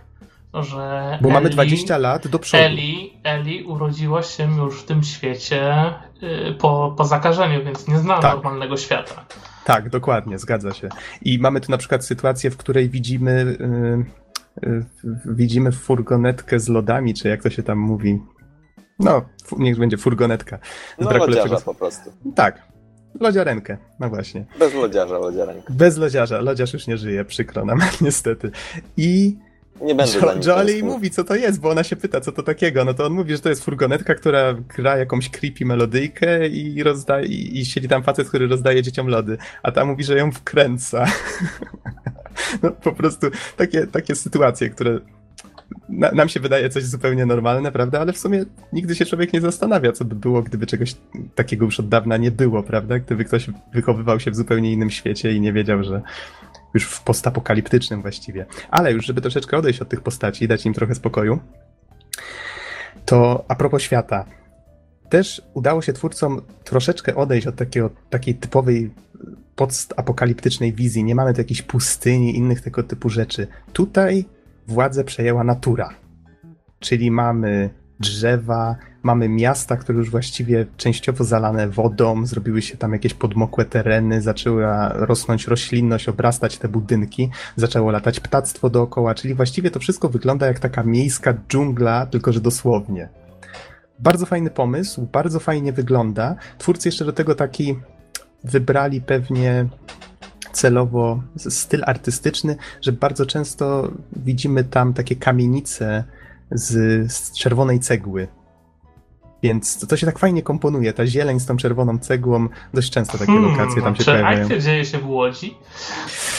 E, wiesz, to, to, myślę, że też powinniśmy się kiedyś doczekać gry, która troszeczkę wykorzystuje te nasze łódzkie, tutaj tą cegiełkę naszą łódzką, czy te kamienice, mniej lub bardziej zrujnowane, ale wydaje mi się, że kiedyś powinniśmy się takiej gry doczekać, bo to jest fajny, Wiesz, fajne miasto. na razie tak by przełożyć stan naszego miasta do gry, to by, wiesz, od razu była apokalipsa, nie? Nie trzeba by było stylizować tych lokacji. E, bez przesady, on. Bardzo sympatyczne miasto, zapraszamy do Łodzi. Okej. Przechodząc dalej. Tak, wiesz co, może na Mhm. krótko, a propos y, tego troszeczkę innego ujęcia apokalipsy, bardzo podobne zostało wykreowane w filmie Jestem legendą. Aha. A niestety nie E, oglądałem, ale słyszałem o nim. Tak, tam Mhm. bodajże Tak, tak, kreacja świata jest właściwie identyczna. Tak, tam, tak jak powiedziałeś, natura przejmuje, przejmuje kontrolę i wszystkie te miasta powoli zarastają, stają się takie zaniedbane. Oczywiście jest cała masa na przykład aut, które utknęły w korku niekończącym się, który nie miał nigdy okazji się rozładować i tak dalej. Natomiast e, bardzo fajne były klimaty, kiedy na przykład bohater jechał w aucie i polował na sarny, które gdzieś tam e, w śródmieściu się zalęgły i po prostu biegały sobie. Także tego typu rzeczy już były. To nie jest coś zupełnie nowego. E, aczkolwiek e, nie jestem teraz w stanie powiedzieć, czy ktoś na kimś się wzorował, czy po prostu równolegle wpadli na ten sam pomysł.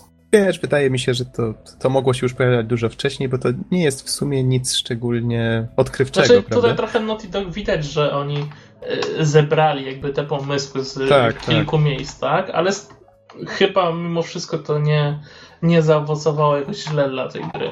Tak, bo tak jak mówię, oni się skupili na tej, y, na tej podróży w sensie na relacjach między postaciami i tym, jak one się zmieniają z czasem. Pokazano tutaj bardzo fajnie, pojawia się na przykład tylko napis, że zima, czy tam jesień, prawda, że, że kolejne mijają pory roku i my jakby czujemy troszeczkę ten, e, ten mijający czas i widzimy, że te postacie inaczej ze sobą rozmawiają, że w różnych sytuacjach inaczej na siebie reagują i myślę, że bardzo fajnie przekazali właśnie tą, te zmiany, bo fabuła jako taka nie jest jakoś szczególnie odkrywcza, to jest po prostu historia... Przeszkodzę ci, bo No. że pojawiają się napisy zima, wiosna, lato, tak?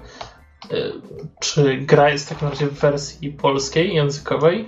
E, W, jakim, Jest w jaką wersję grałeś? Może tak Ja gra- na pewno jest w polskiej wersji, bo to w końcu Mhm. jest Sony, tak? Bardzo dobrze, żeś zapytał. To jest tak samo jak z Uncharted 2 i 3, czyli że możemy w dowolnym momencie zmienić język, na, dobrać język napisów, język dubbingu. Ja włączyłem angielski tak przezornie, więc nie sprawdzałem, nawet zapomniałem w pewnym momencie o tym, jak brzmi polska wersja. Już tak wolałem się troszeczkę w oryginał wczuć, tak jak twórcy zamierzali go przedstawić, bo to jest o tyle ciekawe, że cutscenki były nagrywane z aktorami, na zasadzie że oni nie tylko podkładali głos pod postacie, oni też grali te scenki. Tutaj mogę od razu troszeczkę o fabule wspomnieć taką ciekawostkę, mianowicie y, podobnie jak było w Uncharted, twórcy bardzo dużo mocy w momencie cutscenki wrzucają.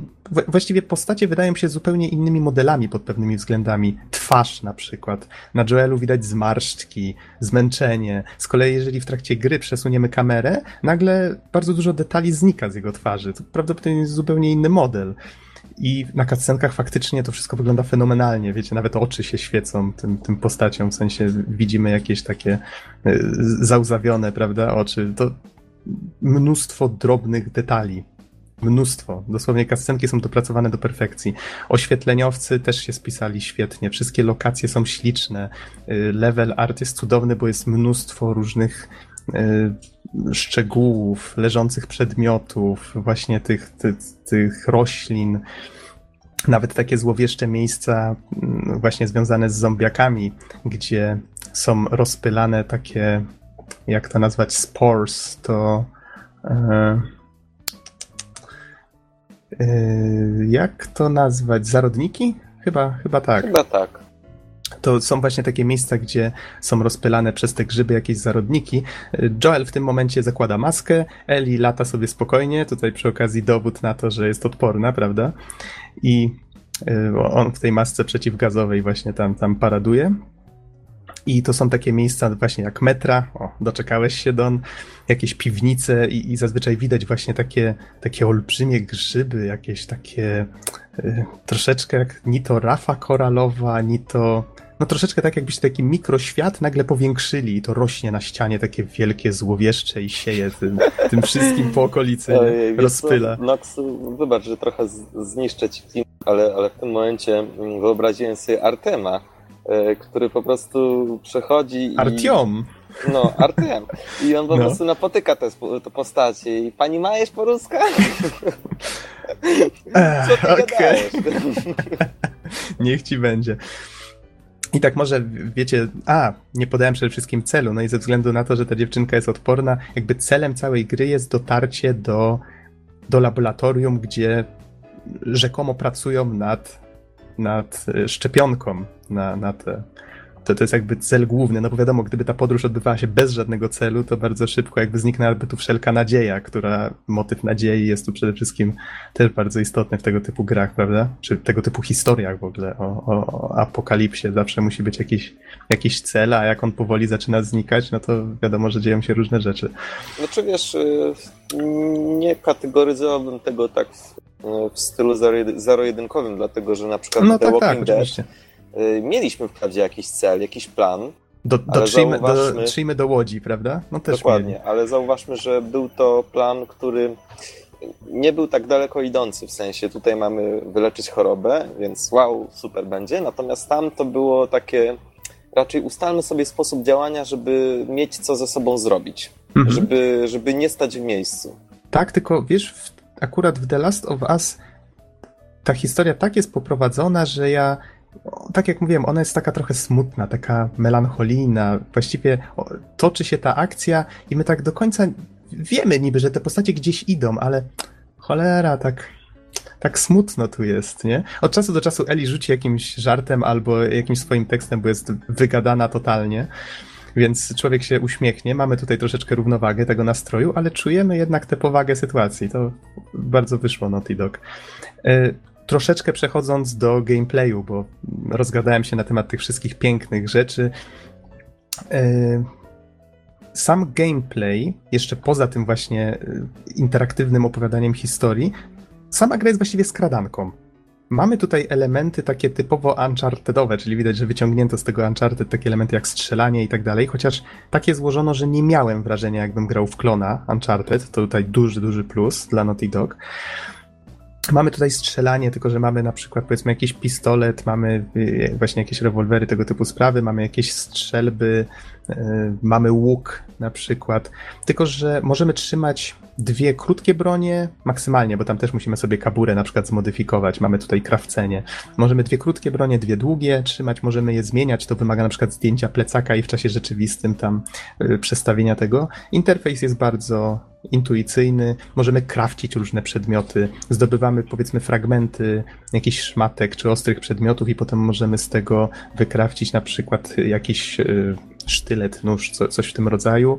Możemy wykrawcić na przykład coś w rodzaju granatu odłamkowego, albo granatu dymnego, no to spotykamy się tutaj oprócz z tymi, nazwijmy to zombiakami już umownie, to spotykamy się tutaj też oczywiście z ludźmi, z bandytami. To jest kolejna historia o apokalipsie, która mówi, że bardziej od tych zombie, tak na dobrą sprawę, to zwykli ludzie, którzy przetrwali, potrafią być bardziej niebezpieczni.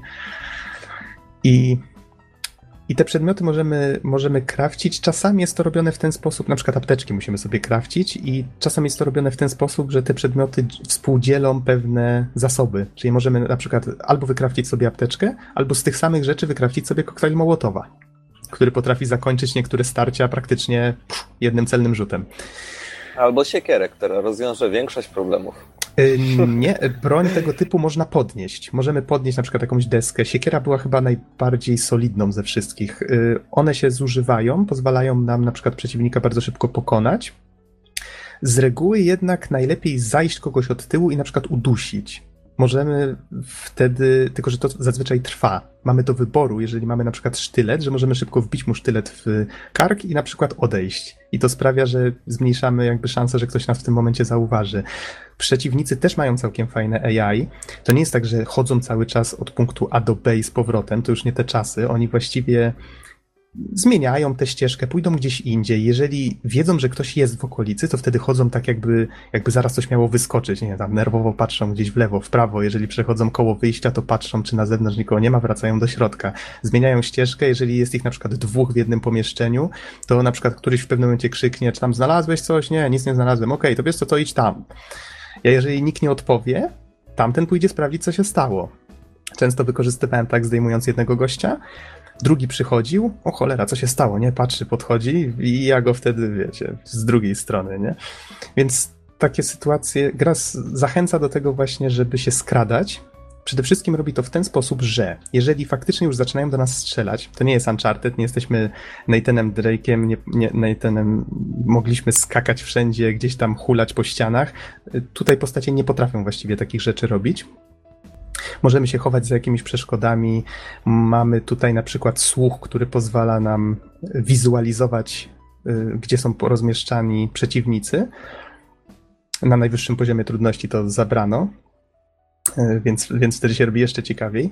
No i twórcy zachęcają właśnie do tego, żeby się skradać, bo jeżeli się pojawimy na widoku przeciwników, to właściwie bardzo szybko giniemy. Ja grałem co prawda na hardzie, ale, ale myślę, że na pozostałych poziomach trudności to też jest mniej więcej podobnie.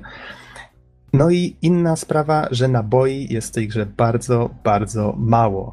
Więc bardzo często zdarzało mi się odłożyć bardzo dużo tego sprzętu, tam tych różnych wybuchowych elementów, tych y, naboi i tak dalej, ale kiedy tylko postanowiłem, a nie chce mi się skradać, o ci goście akurat rozmawiają, pach, koktajl Mołotowa, okej, okay, załatwione, kolejny, pach, pach, kilka kulek, ale tutaj chybi się raz, chybi się drugi i nagle się okazuje, że po dwóch takich akcjach już nie mamy czym strzelać. Więc to jest fajne. Mnie się to podobało. Trzeba było faktycznie kombinować i, i się skradać. Troszeczkę inaczej wygląda tutaj skradanie się z, z, z zombiakami. Bo mamy tutaj właściwie dwa, może trzy rodzaje takich zombiaków. Niektóre z nich, one nie, żadne z nich nie reagują na światło, to tak zrobiono, więc możemy sobie latarkę na przykład zapalić i świecić w tych ciemnościach, to o tyle dobrego. Ale na przykład są tu zombiaki, które mogą nas zobaczyć, a są takie, które nas nie widzą, ale mogą nas usłyszeć. Tak klikery. Musimy się za nimi skradać i one zazwyczaj są na tyle silne, że jeżeli nie mamy sztyletu, to nie możemy ich udusić.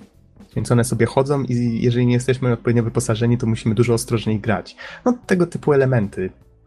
To jest takie troszeczkę schematyczne, muszę przyznać, ale twórcy tak to wymieszali z tą historią, interaktywną, że właściwie nie ma tu chwili nudy, ale najpierw trochę historii, potem na przykład trochę skradania, potem jakaś strzelanina, do której jesteśmy zmuszani. Trochę szkoda właśnie, że w niektórych sytuacjach hmm, właściwie nie tyle w niektórych sytuacjach, dość szybko zdałem sobie sprawę, że nie ma tu na przykład takich sytuacji, że okej, okay, mamy cały obóz wroga, to ja sobie w takim razie gdzieś tam czmychnę bokiem i, i wyjdę. Czasami się zdarza, że właściwie Możemy się skradać, nie musimy, ale my i tak musimy tych wszystkich przeciwników wykończyć. Często się taka sytuacja zdarzała. Nie wiem czy zawsze, bo raz przeszedłem grę, więc mogłem nie wychwycić wielu rzeczy, prawda? I tak mniej więcej wygląda, wygląda gameplay. Czyli mamy skradanie się, mamy strzelanie, mamy krawcenie, mamy to fajne AI, które tutaj jakby tak stara się jakby tą immersję zwiększać. Eli potrafi od czasu do czasu rzucić cegłą, tak, zgadza się. To było w sumie fajne, bo tak, okej, okay, podchodzi kolejny koleś, jest coraz bliżej, to ja tutaj zaraz coś zrobię. Nagle patrzę, Eli rzuca cegłą i wiecie, cały misternie plan poszedł w łeb, okej, okay, no to szarża. Więc to też takie fajne sytuacje wynikały czasami. E, fajnie zrobiono, że postacie poboczne nie są wykrywane w żaden sposób przez przeciwników. Co prawda czasami głupio to wygląda, bo powiedzmy one tam się chowają za tymi y, przeszkodami, starają się, żeby nie było ich widać, ale czasami widać, że aha, gdybym to był ja, to na pewno ten zombiak zaraz by mnie zobaczył, prawda? No ale już to widocznie kwestia grywalności, musieli takie, ja myślę, takie decyzje że to podjąć. mogłoby być bardzo irytujące, gdyby, tak, tak. gdyby przez postać poboczną byśmy byli wykrywani i po prostu mhm. przegrywali w głupi sposób. Tak, to już nieraz przerabialiśmy, prawda, w historii gier i wydaje mi się, że poszli na kompromis, ale, ale to był chyba słuszny kompromis. Wiesz co, mnie trochę zastanawia, że na mhm. dobrą sprawę bardzo, yy, bardzo częstym zjawiskiem obecnie w grach jest tworzenie broni na przykład. Tworzenie czegokolwiek od podstaw. Wydaje mi się, Aha. że jakby nie wiem, czy jeśli gra chce mieć jakąś popularność, to musi być krawcenie w jakiejś formie. Tutaj jest bardzo proste, mhm. bo tu właściwie gra jest liniowa. Gra jest liniowa, z reguły po prostu trafiamy na takie troszeczkę większe placyki, gdzie tam musimy rozprawić się z przeciwnikami, a potem możemy, ale nie musimy zwiedzać wszystkich powiedzmy pokoi, czy, czy jakichś kafejek. Ja, ja tam dość sporo czasu spędziłem właśnie tak łażąc po kątach, może dlatego gra mi tyle zajęła, bo 19 godzin 30 minut ją przechodziłem. Prawie 20 godzin na grze, która się opiera cała na historii. Puh, po prostu to mnie zmiotło. Nie spodziewałem się, że ta gra będzie taka długa. Myślałem, że to będzie, nie wiem, 7 godzin. Jeżeli ktoś boi się kupić tę grę tylko dla singla, to uspokajam, spokojnie można inwestować. Nawet można przechodzić ją po raz kolejny na wyższych poziomach trudności, nadal będzie fajnie i wymagająco. No dobrze, to o czym ja tu jeszcze. Aha, no o tym krawceniu. Tak jak mówię, interfejs jest bardzo prosty w obsłudze. Znajdujemy po kątach, w jakichś szafeczkach czy innych tego typu rzeczach te elementy. Widzimy od razu właściwie, czy jesteśmy w stanie coś wykrawcić, czy nie. Bardzo dobrze to jest przemyślane, fajnie to zrobili. No dobrze, to właściwie nie wspomniałem chyba, tak patrzę na swoje magiczne notatki tak ukradkiem, chyba tylko o tym, że muzyka, to co mnie zaskoczyło troszeczkę. Myślałem, że okej, okay, tu menu, to teraz jakiś fajny motyw puszczą czy coś, ale muzyka jest tu bardzo zdawkowa. Ona się pojawia w trakcie walk, czy właśnie w menu jakaś taka delikatna, czy jakaś gitara, czy coś, ale jest jej bardzo niedużo. A przez większość czasu właściwie nie słyszymy nic. Powiem wam, że strasznie mi się to zaczęło podobać w pewnym momencie, bo ta gra tak pięknie operuje ciszą, to jest też coś, co trzeba umieć i wydaje mi się, że tutaj zrobili to bardzo, bardzo fajnie. No dobrze, to w takim razie, tak jak wspomniałem, multi, yy, single jest dość, dość długi, ale gra ma też multi. W to niestety już nie grałem, ponieważ gra jest pożyczona, a wiecie jak to jest. Wydawcy teraz się wycwanili, mają te swoje e, przepustki, prawda, które trzeba czasami dokupić. Jeżeli się grę pożyczy, trzeba wykupić na przykład dostęp do multi. Już te 40 zł troszeczkę pożałowałem. Słyszałem, że multi jest takie troszeczkę podobne do Uncharted pod tym względem, że mamy tutaj deathmatch i, i faktycznie i, i faktycznie opiera się na takich znanych zasadach, na zasadzie, że dwie drużyny, za, zawsze mamy tutaj dwie drużyny, ze sobą rywalizują y, o zasoby, tylko że właśnie wprowadzono tutaj taki fajny mechanizm, że to przetrwanie, te, to zbieranie zasobów jest tutaj jakby kluczowe. Na zasadzie za każdego killa w multi nasz klan dostaje jakąś, jakąś ilość zasobów, za różne elementy tego typu dostajemy, e, aktywności tego typu dostajemy właśnie jakieś zasoby i nasz klan musi przetrwać 12 tygodni, przy czym chyba jeden mecz to jest jeden dzień. Coś, coś takiego.